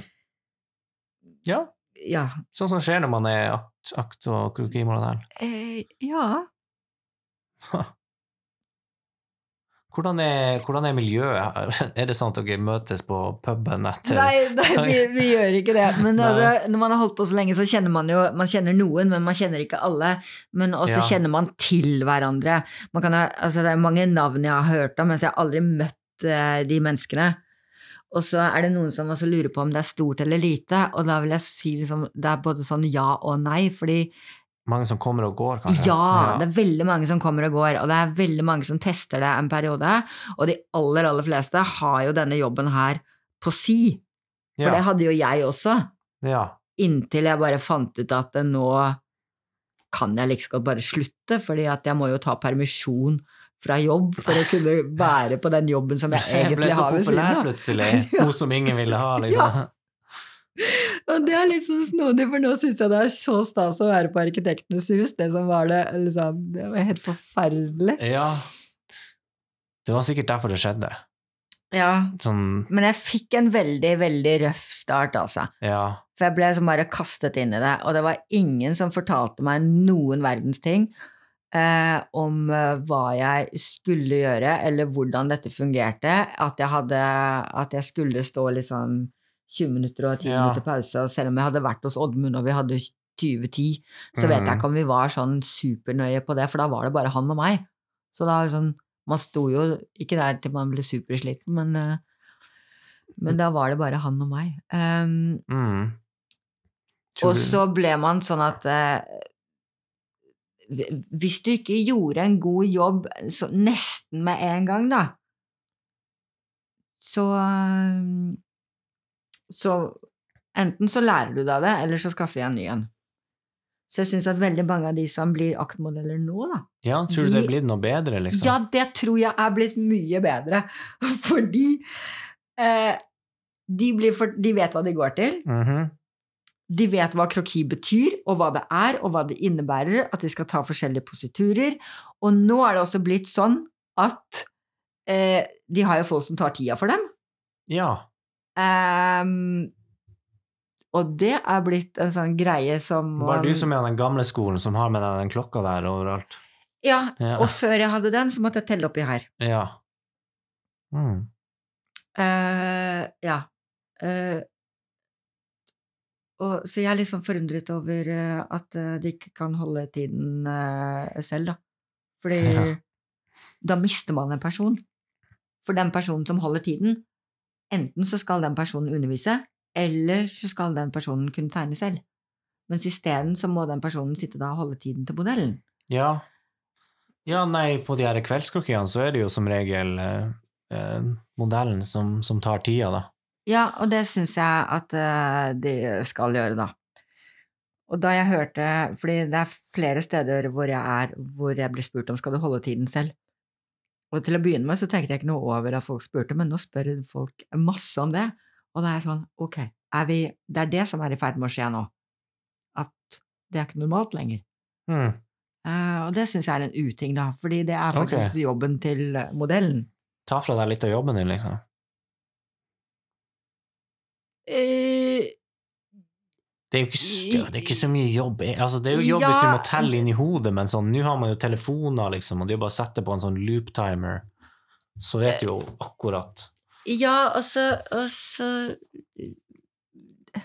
syns jeg at eh, hvis det er noen andre som skal sitte og ta tiden, så blir jo da, da spiser man opp den personen som egentlig kunne gjort noe helt annet. Ja, ja. Når dette her har vært modellens jobb i alle i alle år. Alltid. Eh, Mm. Ja. Jeg har fått eh, man, man kan få hjelp til å holde tiden hvis det er litt sånn lengre positurer og sånn. Um, det kan jo være greit, men å holde tiden sånn hele tiden, det syns jeg er en uting. Ja. Det syns jeg at eh, modellene skal faktisk kunne klare eh, selv. Fins det noe sånn kurs for å bli jaktmodell? Nei, Nei? men jeg har hatt tre elever. Ah, ja, du begynte å lære, lære dine Ja. kunstnere. Og jeg begynte med det egentlig ganske uh, Er det både, både damer og herrer? tidlig. Eh, eh, to jenter og en gutt. Ja. Ikke på så veldig mange timer, men noen timer. Og gitt dem eh, litt tips, da. Ja, det er jo veldig fint å, å få en liten start, ja. Ja, og det som er, da, at de som, de som starter nå, det jeg tror at de aller fleste som starter nå, de, de får det litt mer lettvint enn enn en hva jeg hadde som bare ble kastet inn i det og ikke visste noen ting. For de vet hva de går til. Ja. Eh, og så har de folk som holder tiden for dem. Uh, og så er folk kanskje ikke fullt Altså, dere er direkte, men dere er litt mer sånn direkte på en annen måte enn man var før. For da var det liksom bare sånn Ja, vi er, vi er kanskje ikke like slemme, på en måte, Nei, Heldigvis. men vi er ærlige. Ja. Hun kan vi ikke bruke mer. Ja. Takk skal du ha. Ut med deg. Sånn, Dette går ikke. Nei, Nei, så, så, jo, og så det- det med positurer ja. eh, det, det er det jo også mange modeller som på forhånd, som er helt ferske, som får litt sånn brifing i, da. Mens jeg fikk jo ikke noe brifing, for jeg visste jo ikke en dritt.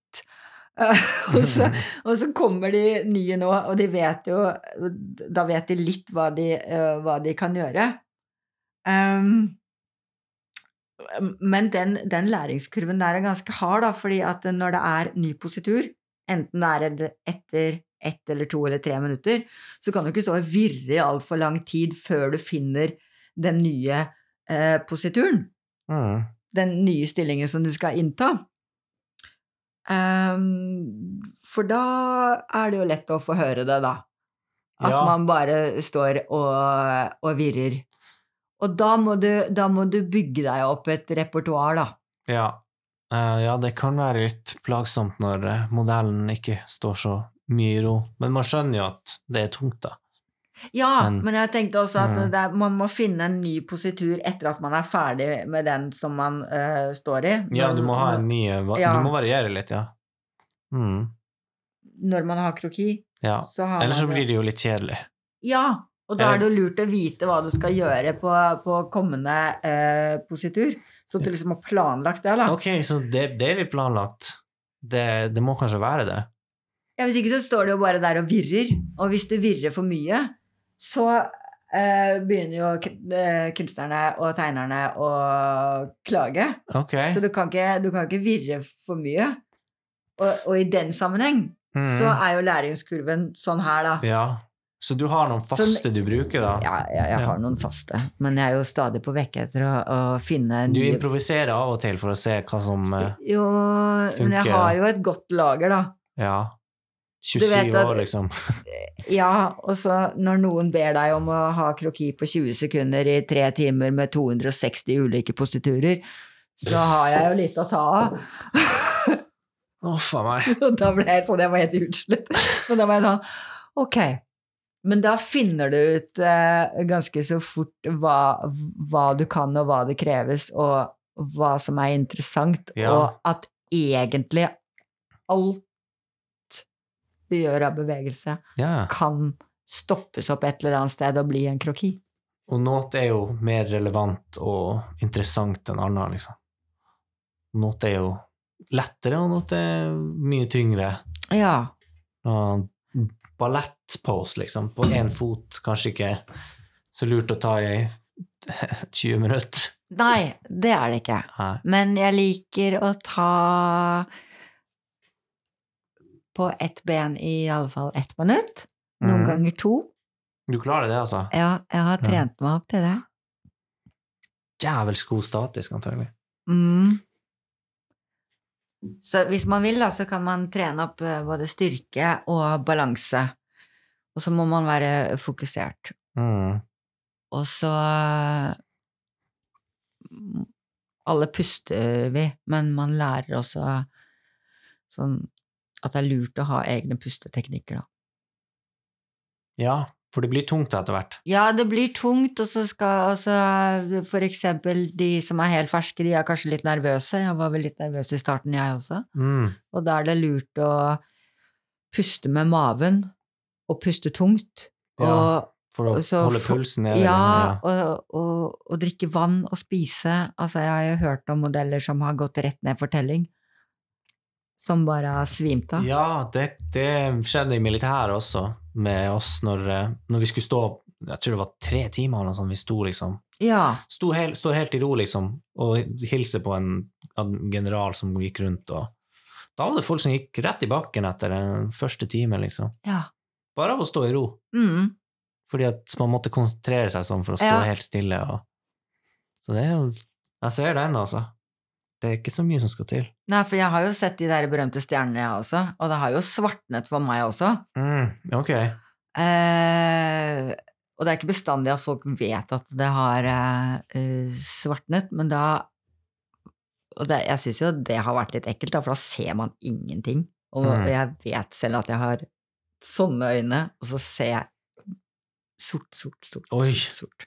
Da har du pusha deg. det er ganske ekkelt, og da er det å prøve å puste og si at nå må jeg ha pause, jeg skal drikke vann og spise, Mm, og så kommer man tilbake, da. wow. Helt svartna, liksom. Ja, Du burde kanskje skrevet en sånn bok sjøl. ja det er flere som har sagt det. Jeg How burde to krokien eh, How to be a moral. Ja, Du har jo masse tips. Eller nå er det bare å høre podden, så får man jo høre det meste, da. Men, det gjør man. ja. Men eh, Og så er det noen i går, tror jeg det var, hva er det, nei, i forgårs, de, de lo litt, grann, fordi det var noen tegnere, da. Ja. Og så um, hadde foten til hun eh, ene studenten sovna. Og så sa jeg nå må du passe deg litt, altså, du eh, får vekket opp foten din igjen før du går på den. Og så var det sånn Nei, men det, det går bra. Så Men det er ikke bare å tulle med det her. her. Så sa jeg nå skal jeg fortelle en historie. Og det er at dette har jo ikke skjedd meg, men det har i hvert fall skjedd to andre aktmodeller som jeg vet om. At da sovnet foten, og så eh, skulle de gå ned fra podiet og tenkte at det går jo helt fint, og var ikke klar over hvor Hvor sovna den faktisk ja, var, ja. eh, For da var liksom hele foten da i dyp dvale. Åh.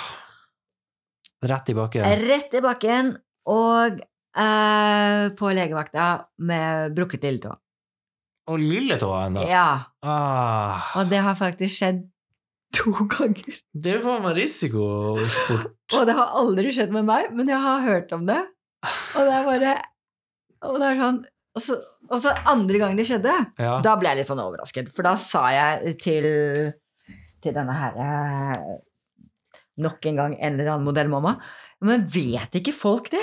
Vet ikke at de må la benet eh, liksom våkne igjen? At du må, du må trampe litt sånn her, og så må du massere litt, grann, og så må Mhm. du vente, eller du må hinke av gårde eh, til stolen din.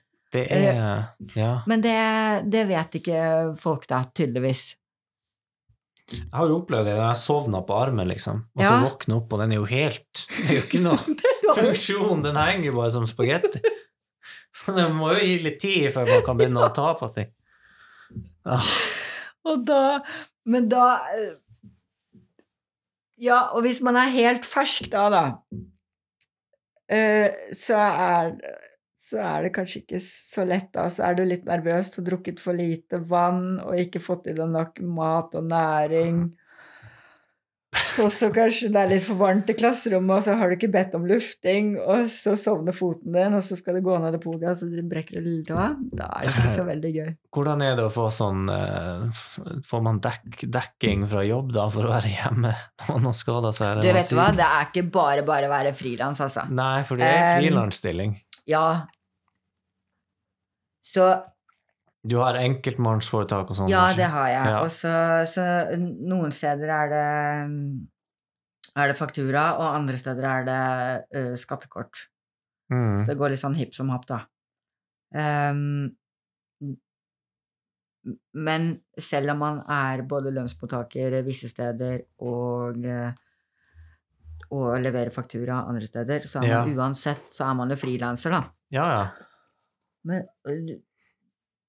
da er det ikke bare bare å, å troppe opp på Nav, for man faller i en sånn mellomkategori, da. Hvordan Ja, ja. verden er jeg, og hvordan skal jeg få sykepenger, og, og, Og hvorfor skal du få det, liksom? Ja. Når du, ja. Har du Å ja, der mangler, mangler litt av en finger. Ja! En liten uh, tuppen av lillefingeren Og der. Faen, det har ikke jeg sett før, jeg har enda tegna Og du har stått og studert. Du har ikke studert godt Jeg har nok. ikke gått nær nok. Nei, for det her er mine kriterier på har du sett meg, eller har du ikke sett meg. Oh. Du har ikke sett meg godt nok. jeg har nok. ikke sett deg, altså. Nei. Du har sett meg her, men du har ikke sett eh, Du har ikke studert uh, Det er gjerne føtter og hender og hodet er det man tegner minst. Dette, eller det jeg Ja. tegner minst. Hvordan skjedde det? Jo, det skal jeg fortelle. Men først bare til akkurat det der med uh, sykepenger og sånn. Fordi under den her sykeprosessen her, da syns ikke jeg det var så veldig enkelt å være uh, Frilans, liksom. Ja. Uh, og prøve å få eh, litt eh, eh, pengestøtte. ja, man skal ha eh, komposisjon Nei, ja. ja. compensation. Ja, det var litt av en prosess. Men det her, da. Ja. Det, du spurte om hvordan det skjedde. ja, det lurer jeg jo på. Ja. Dette skjedde Ikke si på jobben. Nei, det var på sånn fritidsjobbing. Ja, ok. Så du var på jobben, da. ja, jeg, jeg liker å, å være kreativ, og så liker jeg å snekre. Så uh, dette skjedde 5. desember 2017. Sirkelsag? Nei, Ah, okay. og vil du gjette mer? Nei da. Bestefaren min mista to fingre på sykkelsaga. Ah, Ah, ja. Nei, fortsett. ja. Det, på norsk så heter dette, denne maskinen en avretter. Og det syns jeg jo høres helt forferdelig ut. På svensk så heter det en, eh, en høvel. En svær elektrisk høvel Mm. med sånn her eh, knivblad. Og så hadde jeg på meg hansker. Arbeidshansker. Eh, og heldigvis Mm. for meg så hadde jeg ikke arbeidshansker med borrelås. Ah. Fordi dette er en maskin som jeg kjente til, hadde jobbet med i mange år, og hadde jobbet med veldig lenge, og så hadde jeg akkurat sett på klokken, og så hadde jeg gjort sånn her, for man skal aldri ha masse løse sånne deler når man jobber med uh, maskiner, for det er lett å henge fast. Ja. Hør etter! Nå. Altså, tenk sikkerhet. Hørselklokker og vernebriller og vernesko, alt sammen, og han og man skal ikke ha masse sånn dingeldanger hengende. Og, og ring, det skal man heller ikke ha. Det hadde jeg ikke, da. Nei. Åh, på meg. Ta av alt altså, av smykker og sånn. Men jeg hadde hansker, og så hadde arbeidshansker, og så er det sånn at du stapper en planke inn i maskinen, går forbi, drar den ut på andre siden. Som du, den høvler. Mm. Og så hadde jeg holdt på i fire timer og syntes at det var mer enn nok. Sånn har vi her nede, forresten. Ja. På verkstedet. Eh, hvor stor er den? Nei, jo, sånn, kanskje. Ikke så veldig stor. Én meter, kanskje. Ja. Ja, så du har holdt på Ja, noen ja, timer og begynt å bli ja, ja, ja. sliten, da? Ja, og så tenkte jeg nå er det vel på tide med middag, så hadde jeg sett på klokken, og så var den akkurat uh, fem. Og så sier jeg til meg selv dette er siste planke, og så dytter den inn, går forbi, så går jeg. Man skal ikke ta den siste turen, for det, det blir jo den siste. Man skal, stoppe Ja. ved, man, man skal stoppe ved den nest siste, selv om det da blir den siste, da. Dårlig, gammelt ordtak. Um, eller bra. Så går jeg forbi, Og så, som jeg da har gjort i fire timer, så går jeg litt for nærme, og så tar knivbladet tak i hansken, drar til seg hånda mi, og heldigvis at det ikke er borrelås her. Ja, for da fikk du dratt av Så da spiser den opp hansken, og så fikk jeg dra til meg eh, hånda, men ikke kjapt nok, sånn at eh, kniven kapper da rett av eh, en centimeter av lillefingeren og sneier ringfingeren. Uff. Og så er det selvfølgelig masse blod, og så har jeg ikke noe hanske, og så ser jeg, og så skriker jeg ikke med en gang, og så ser jeg på hånden min, Bare. Og så er det bare sånn Her er det noe galt. Så er det vinter, og så eh, øh, Litt sjokk, kanskje. det, Ja, Ja. men man kommer jo i sjokk, og det er veldig bra at man kommer i sjokk, fordi da reagerer man. Så jeg løper ut, eh, snubler med vilje eh, ned i sneen for å stoppe alt blodet som Mm. kommer. Eh, Kjøle det ned og ja, og så kommer svigerfar, og så kommer eh, Og så løper vi inn til min kjære, som står på verkstedet. Og så går vi inn der eh, alt sånn eh, førstehjelp ligger. Og så har jeg holdt den sånn, og så ser han på den, og så ble jeg bare tatt i nakken, kasta inn i bilen og kjørt av gårde. Og så tar han og ringer. Og tre minutter over fem står det på hans telefon når han ringer til ambulansen. Og dette skjedde presis klokken fem. Ja, Og derfor så vet jeg at det tar tre minutter før det gjør vondt. Fordi okay. klokken tre minutter over fem begynner Ellen Charlotte å skrike. Da kom Sånn, adrenalinet da- ut av systemet. Da, da kommer smerten. Så man har tre Ah. minutter på seg til å gjøre noe klokt. Fudge. Måtte du sy mange ting? Nei! Det er det som er uh, uh, Dette er veldig lærerikt, veldig interessant. Uh, Har ingenting med kroki eller akt å gjøre, men det veldig interessant. veldig interessant, men man lærer noe om kroppen. Ja, ja, ja det Det er sant. absolutt. Ambulansen kommer, kjører forbi og snur og plukker meg opp, og jeg er helt så betutta. Jeg vil ha tilbake fingertuppen min, så drar vi tilbake til Sagen og ser om vi kan finne fingertuppen. Der kommer svigerfar med min hanske, og så får eh, personalet den, og så bare dundrer av gårde til sykehuset. Ja, Og så jeg vil ha fingeren min! jeg vil ha- Og så, da vi endelig kommer på, på sykehuset, så får jeg se den hansken, og så er det bare sånn ja, Å, herregud, det her er jo ikke noe fingertupp igjen, for den er jo bare smuldret opp. Det fins ikke. Ja, og så ser jeg på den hansken, så tenker jeg bare herregud, jeg skal jo bare være glad for at jeg har en hånd. Ja, ja, ja. Så tar de øh, øh, For det blir jo en operasjon, da. Så tar de og renser da øh, disse fingrene til den store gullmedaljen.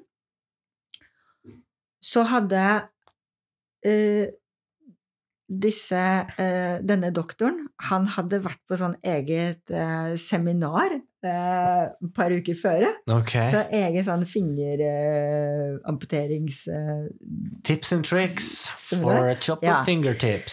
Så sier de til meg 'Vi skal ikke sy'.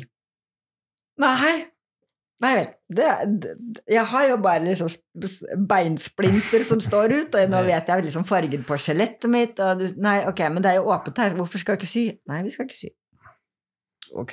Skal jeg ikke stripses fast heller, da? For det, det, det har jeg også uh, fått gjort oppi hodet en gang, tror jeg. Ja. Ble stripsa i stedet for å sy. Ja. Så setter man sånne strips. Nei, det skal vi heller ikke gjøre. Vi skal bare rense. Ja vel, ok. Og så, når de var ferdig med å rense, så satte de på sjøgressplaster. Og så bandasje utenpå det. Og så hadde jeg på det. Og det som viser seg da, er at da gror det ut Ny Eh, hud, liksom. ny hud, Ja. og alt blir nytt. Fingeravtrykk blir nytt. Det gror selvfølgelig ikke noe skjelett tilbake, for det Nei. har de jo da Altså, eh, det har de jo da på en måte kappe eh, pent av og sånn, men de har ikke sydd. Og det som, da lærte jeg at eh, hvis man syr, så vil du få fantomsmerter her. Sånn at det føles som om du har på deg en Hvis du tar på deg en sokk Ja. veldig stramt, Mm. og du har den sokken på hele tiden. Sånn vil fingeren din føles konstant hele tiden, da, hvis du syr her. Ja, det er liksom hodet som lurer deg. Ja. Ja. Så da har du fantomsmerter der, ikke sant? For da blir det, da blir det som vi har sydd, da blir huden for stram. Ja, ok. Sånn at det føles som om du har på noe stramt der hele tiden, at du vil ut av det. Mm. Ehm, så derfor så syr vi ikke. Så når dette gror, så vil du kunne gjøre sånn, og så Ja. vil denne her bli en liten tøffing, og den også. Ja, den ser jo ikke så verst ut. Nei. Eh, og så vil du unngå fantomsmerter. Og så sakte, men sikkert så vil du bygge opp eh, følelsen igjen.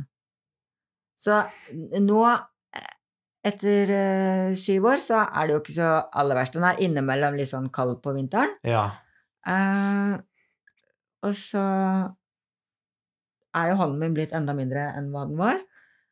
Men jeg merket det sånn i starten at, jeg, at jeg, jeg griper ikke over like mye eh, som jeg gjorde. Fordi den lille ene centimeteren der, den har så mye å si. For Ja. eksempel hvis man skal bære plank. Lillefingeren er faktisk utrolig viktig. Det er den som støtter opp her. Mm. Så jeg mistet jo en del ting til å begynne med. Da. Så da må du Ble du litt sånn ufør av det, på en måte? Eller? Eh, Jeg bare merket at eh, da På papir, i hvert fall. Ja. Ja, altså Men jeg satt jo på begrenset palett her i januar. Ja, ja. Ja, 2018. Så hvis du finner eh, malerier og tegninger eh, fra studenter fra 2018, Var da er det eh, modell med bandasje. Ja. Ja. For jeg så du hadde på noen sånn knegreier eh, denne uka etter at du så ja. Ja, men jeg har alltid med meg kne, uh, fordi de knærne her er knebeskyttere uh, og, Ja. og knestrømper, knestøtte. De knærne her er så ødelagt at uh, det er helt vilt. Men heldigvis da, så hjelper det med knestøtte å ha det Ja, på. Og så, um, altså er det ikke sånn at jeg må ha det på konstant.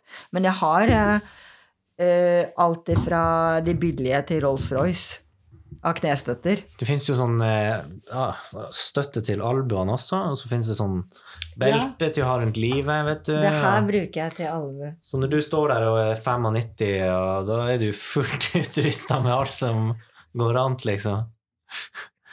Ja, men det er faktisk ikke bare bare å være uh, modell.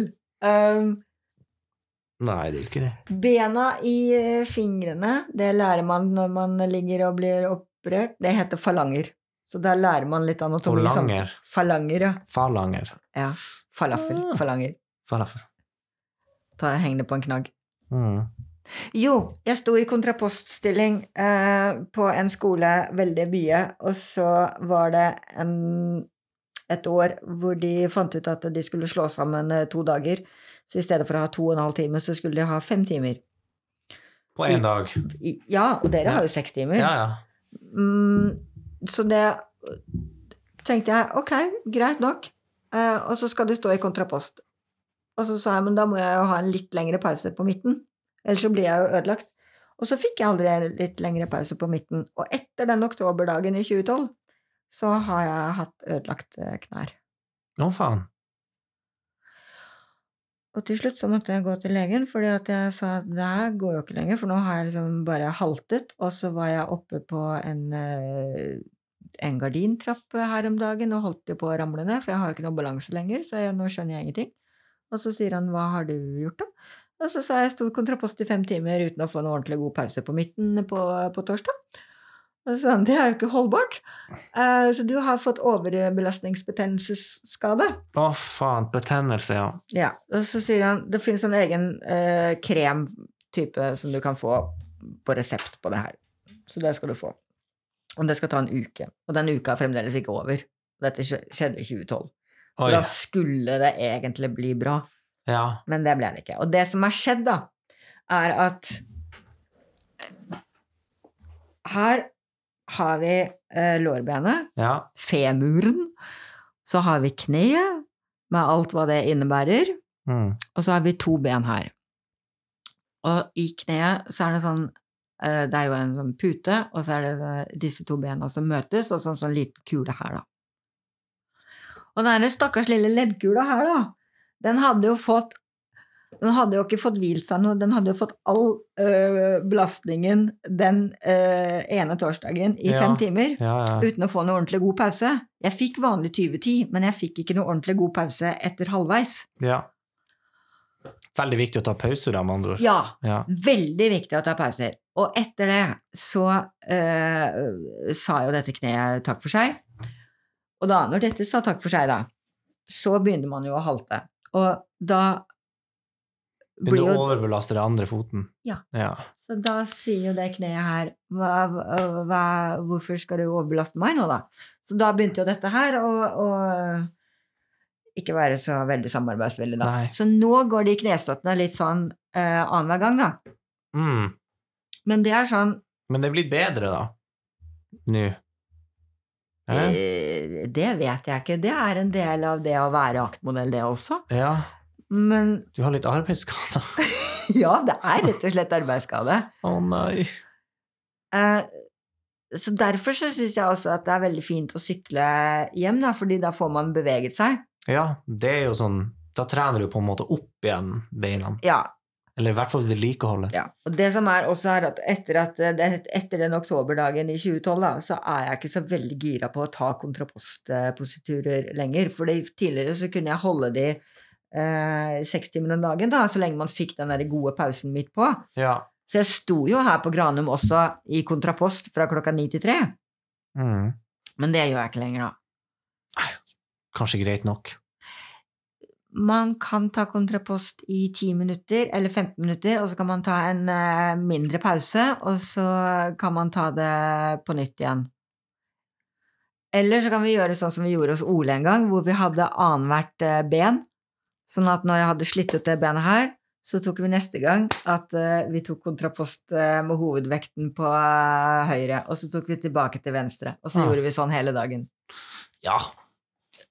Er det så nødvendig, egentlig? Det er jo litt kult, det. Um, kontrapost er noe av det viktigste dere lærer, og noe av det fineste, og noe av det vondeste. Ok, hvorfor er det så viktig? Det er så viktig fordi det er den posituren som alle de klassiske eh, figurene eh, har hatt gjennom eh, kunsthistorien, helt tilbake til eh, grekertiden med de klassiske greske. Åh, de fine greske, Ja. muskuløse kroppene. Ja. Ok. Så derfor så er det eh, veldig viktig det med kontrapost. Og det er veldig flott. Mm. Og man ser det eh, hele tiden i kunsten. Men det er smertefullt! Man må lide litt av og til. Man må lide for kunsten. Lire seg gjennom, ja. Ja, lide for kunsten. Det gjør vi også. Men mest mentalt inni hodet, da. Men jeg har Når det ikke blir som man vil, da lider man. Ja, Ja. man kan bli litt frustrert. Mm. Jeg hørte at Munch, han, han ble ganske frustrert. Han pleide å skrike til lerretet sitt. Ja. det hadde vært gøy hvis vi hadde gjort det når vi sto der og malte. Plutselig «Åh, Dritt! Ja, hvorfor ikke? Jeg får frustrasjon. Folk hadde blitt helt sjokkert. Han hadde også for vane å kaste det ut på bakken. Oh, ja. Og det visste du ikke? Eh, jo, jo, jeg tror jeg har lest det, ja. Ja, ja. Han tok dem med ut og sånn, og det gjorde han jo også litt sånn i frustrasjon. så han liksom banka dem også litt. og- Ja, og, og gravde dem ned. Noen ganger så uh, lå de der ganske lenge, og så gravde han de opp igjen. Så han sånn kom tilbake 'Å, unnskyld, jeg bedre ikke.' Og selvfølgelig skal jeg fullføre deg. Nei, Det gir det, det gir det litt sjel, da. Ja, det gjør Ja, det. men det så, det er, vi snakket om det i går kveld når jeg var på jobb, om akkurat det som du nevnte nå. Det er litt sånn interessant da, at uh, nå så på Nasjonalmuseet så står man med hvite, fine hansker, og det er bak monter, og man er så Ja, forsiktig ja, med Munch, mens han bare kasta det rundt og gravde det ned. Ja, og skikkelig sånn grove strøk, og veldig sånn grumsete, og Ja. ja, ja. Det handler jo om å preservere det lille som er igjen, antagelig. Mm. Sånn at flere skal kunne se det. Hvor lenge tror du vi har snakka nå? Jeg tror vi har snakket i Du har egen klokke, du. Ja, men den har startet på nytt igjen, så nå har jeg kommet litt ut av det. Eh, to og en halv? Ja, men nesten. Det begynner å nærme seg tre og en halv. Så Jeg har hatt det sånn- veldig hyggelig å prate med deg. Så det blir sånn en serie, kanskje. Ja. Eller kanskje jeg deler den i seks, jeg vet ikke. Se, se hvor det blir. Det blir veldig naturlig å klippe den der hvor du, du bare ah, kan, vi, kan vi stoppe? ja, det tror jeg. Ja, Kan vi stoppe? Det var veldig hyggelig å prate med deg, altså. Er den på nå? Ja, den Ja, men det er bra. Den går. Går helt til vi, vi har sagt ha det bra. Ok. Så Jeg syns også dette har vært veldig hyggelig, og så har det vært litt sånn derre mimre, mimretid. ned uh, memory lane. Mhm. Ja, fått gravd litt i gamle minner. Oi! Der gikk lys akkurat nå. Men vi lys. kommer ut. Hæ? Vi, Nei, altså strømmen gikk ikke, men, men lyset gikk av, fordi at antagelig så gikk den siste for dagen. men vi kommer ut for det. Ja, jeg har koden til, til døra. Ja, det er enda bra. Men vi kommer forskning ikke sitte her i mørkt nå. Nei, ja, ja, nei, men jeg tenkte vi skulle runde av uansett, men Ja. Men er veldig hyggelig at du kom, Charlotte. Ellen Charlotte. Um, Stort sett så er det bare Charlotte. Bare Men eh, hvis jeg signerer noe, ja, så syns jeg det er veldig morsomt å skrive mod, punktum, Ellen Charlotte. ja. For da blir det mod Ellen Charlotte. Modell, ah, modellen Charlotte. Kunstneren Erlend slash Erlendo. Tror vi signerer oss ut nå. Eh, takk for at du hørte på Granum-podden. Eh, antagelig for at du hørte på alle episodene som ble delt opp. Eh, takk for at du kom. Vær så god, det har vært en glede. Takk for at du lytta. Ha det bra fra oss. Adjø. På gjensyn!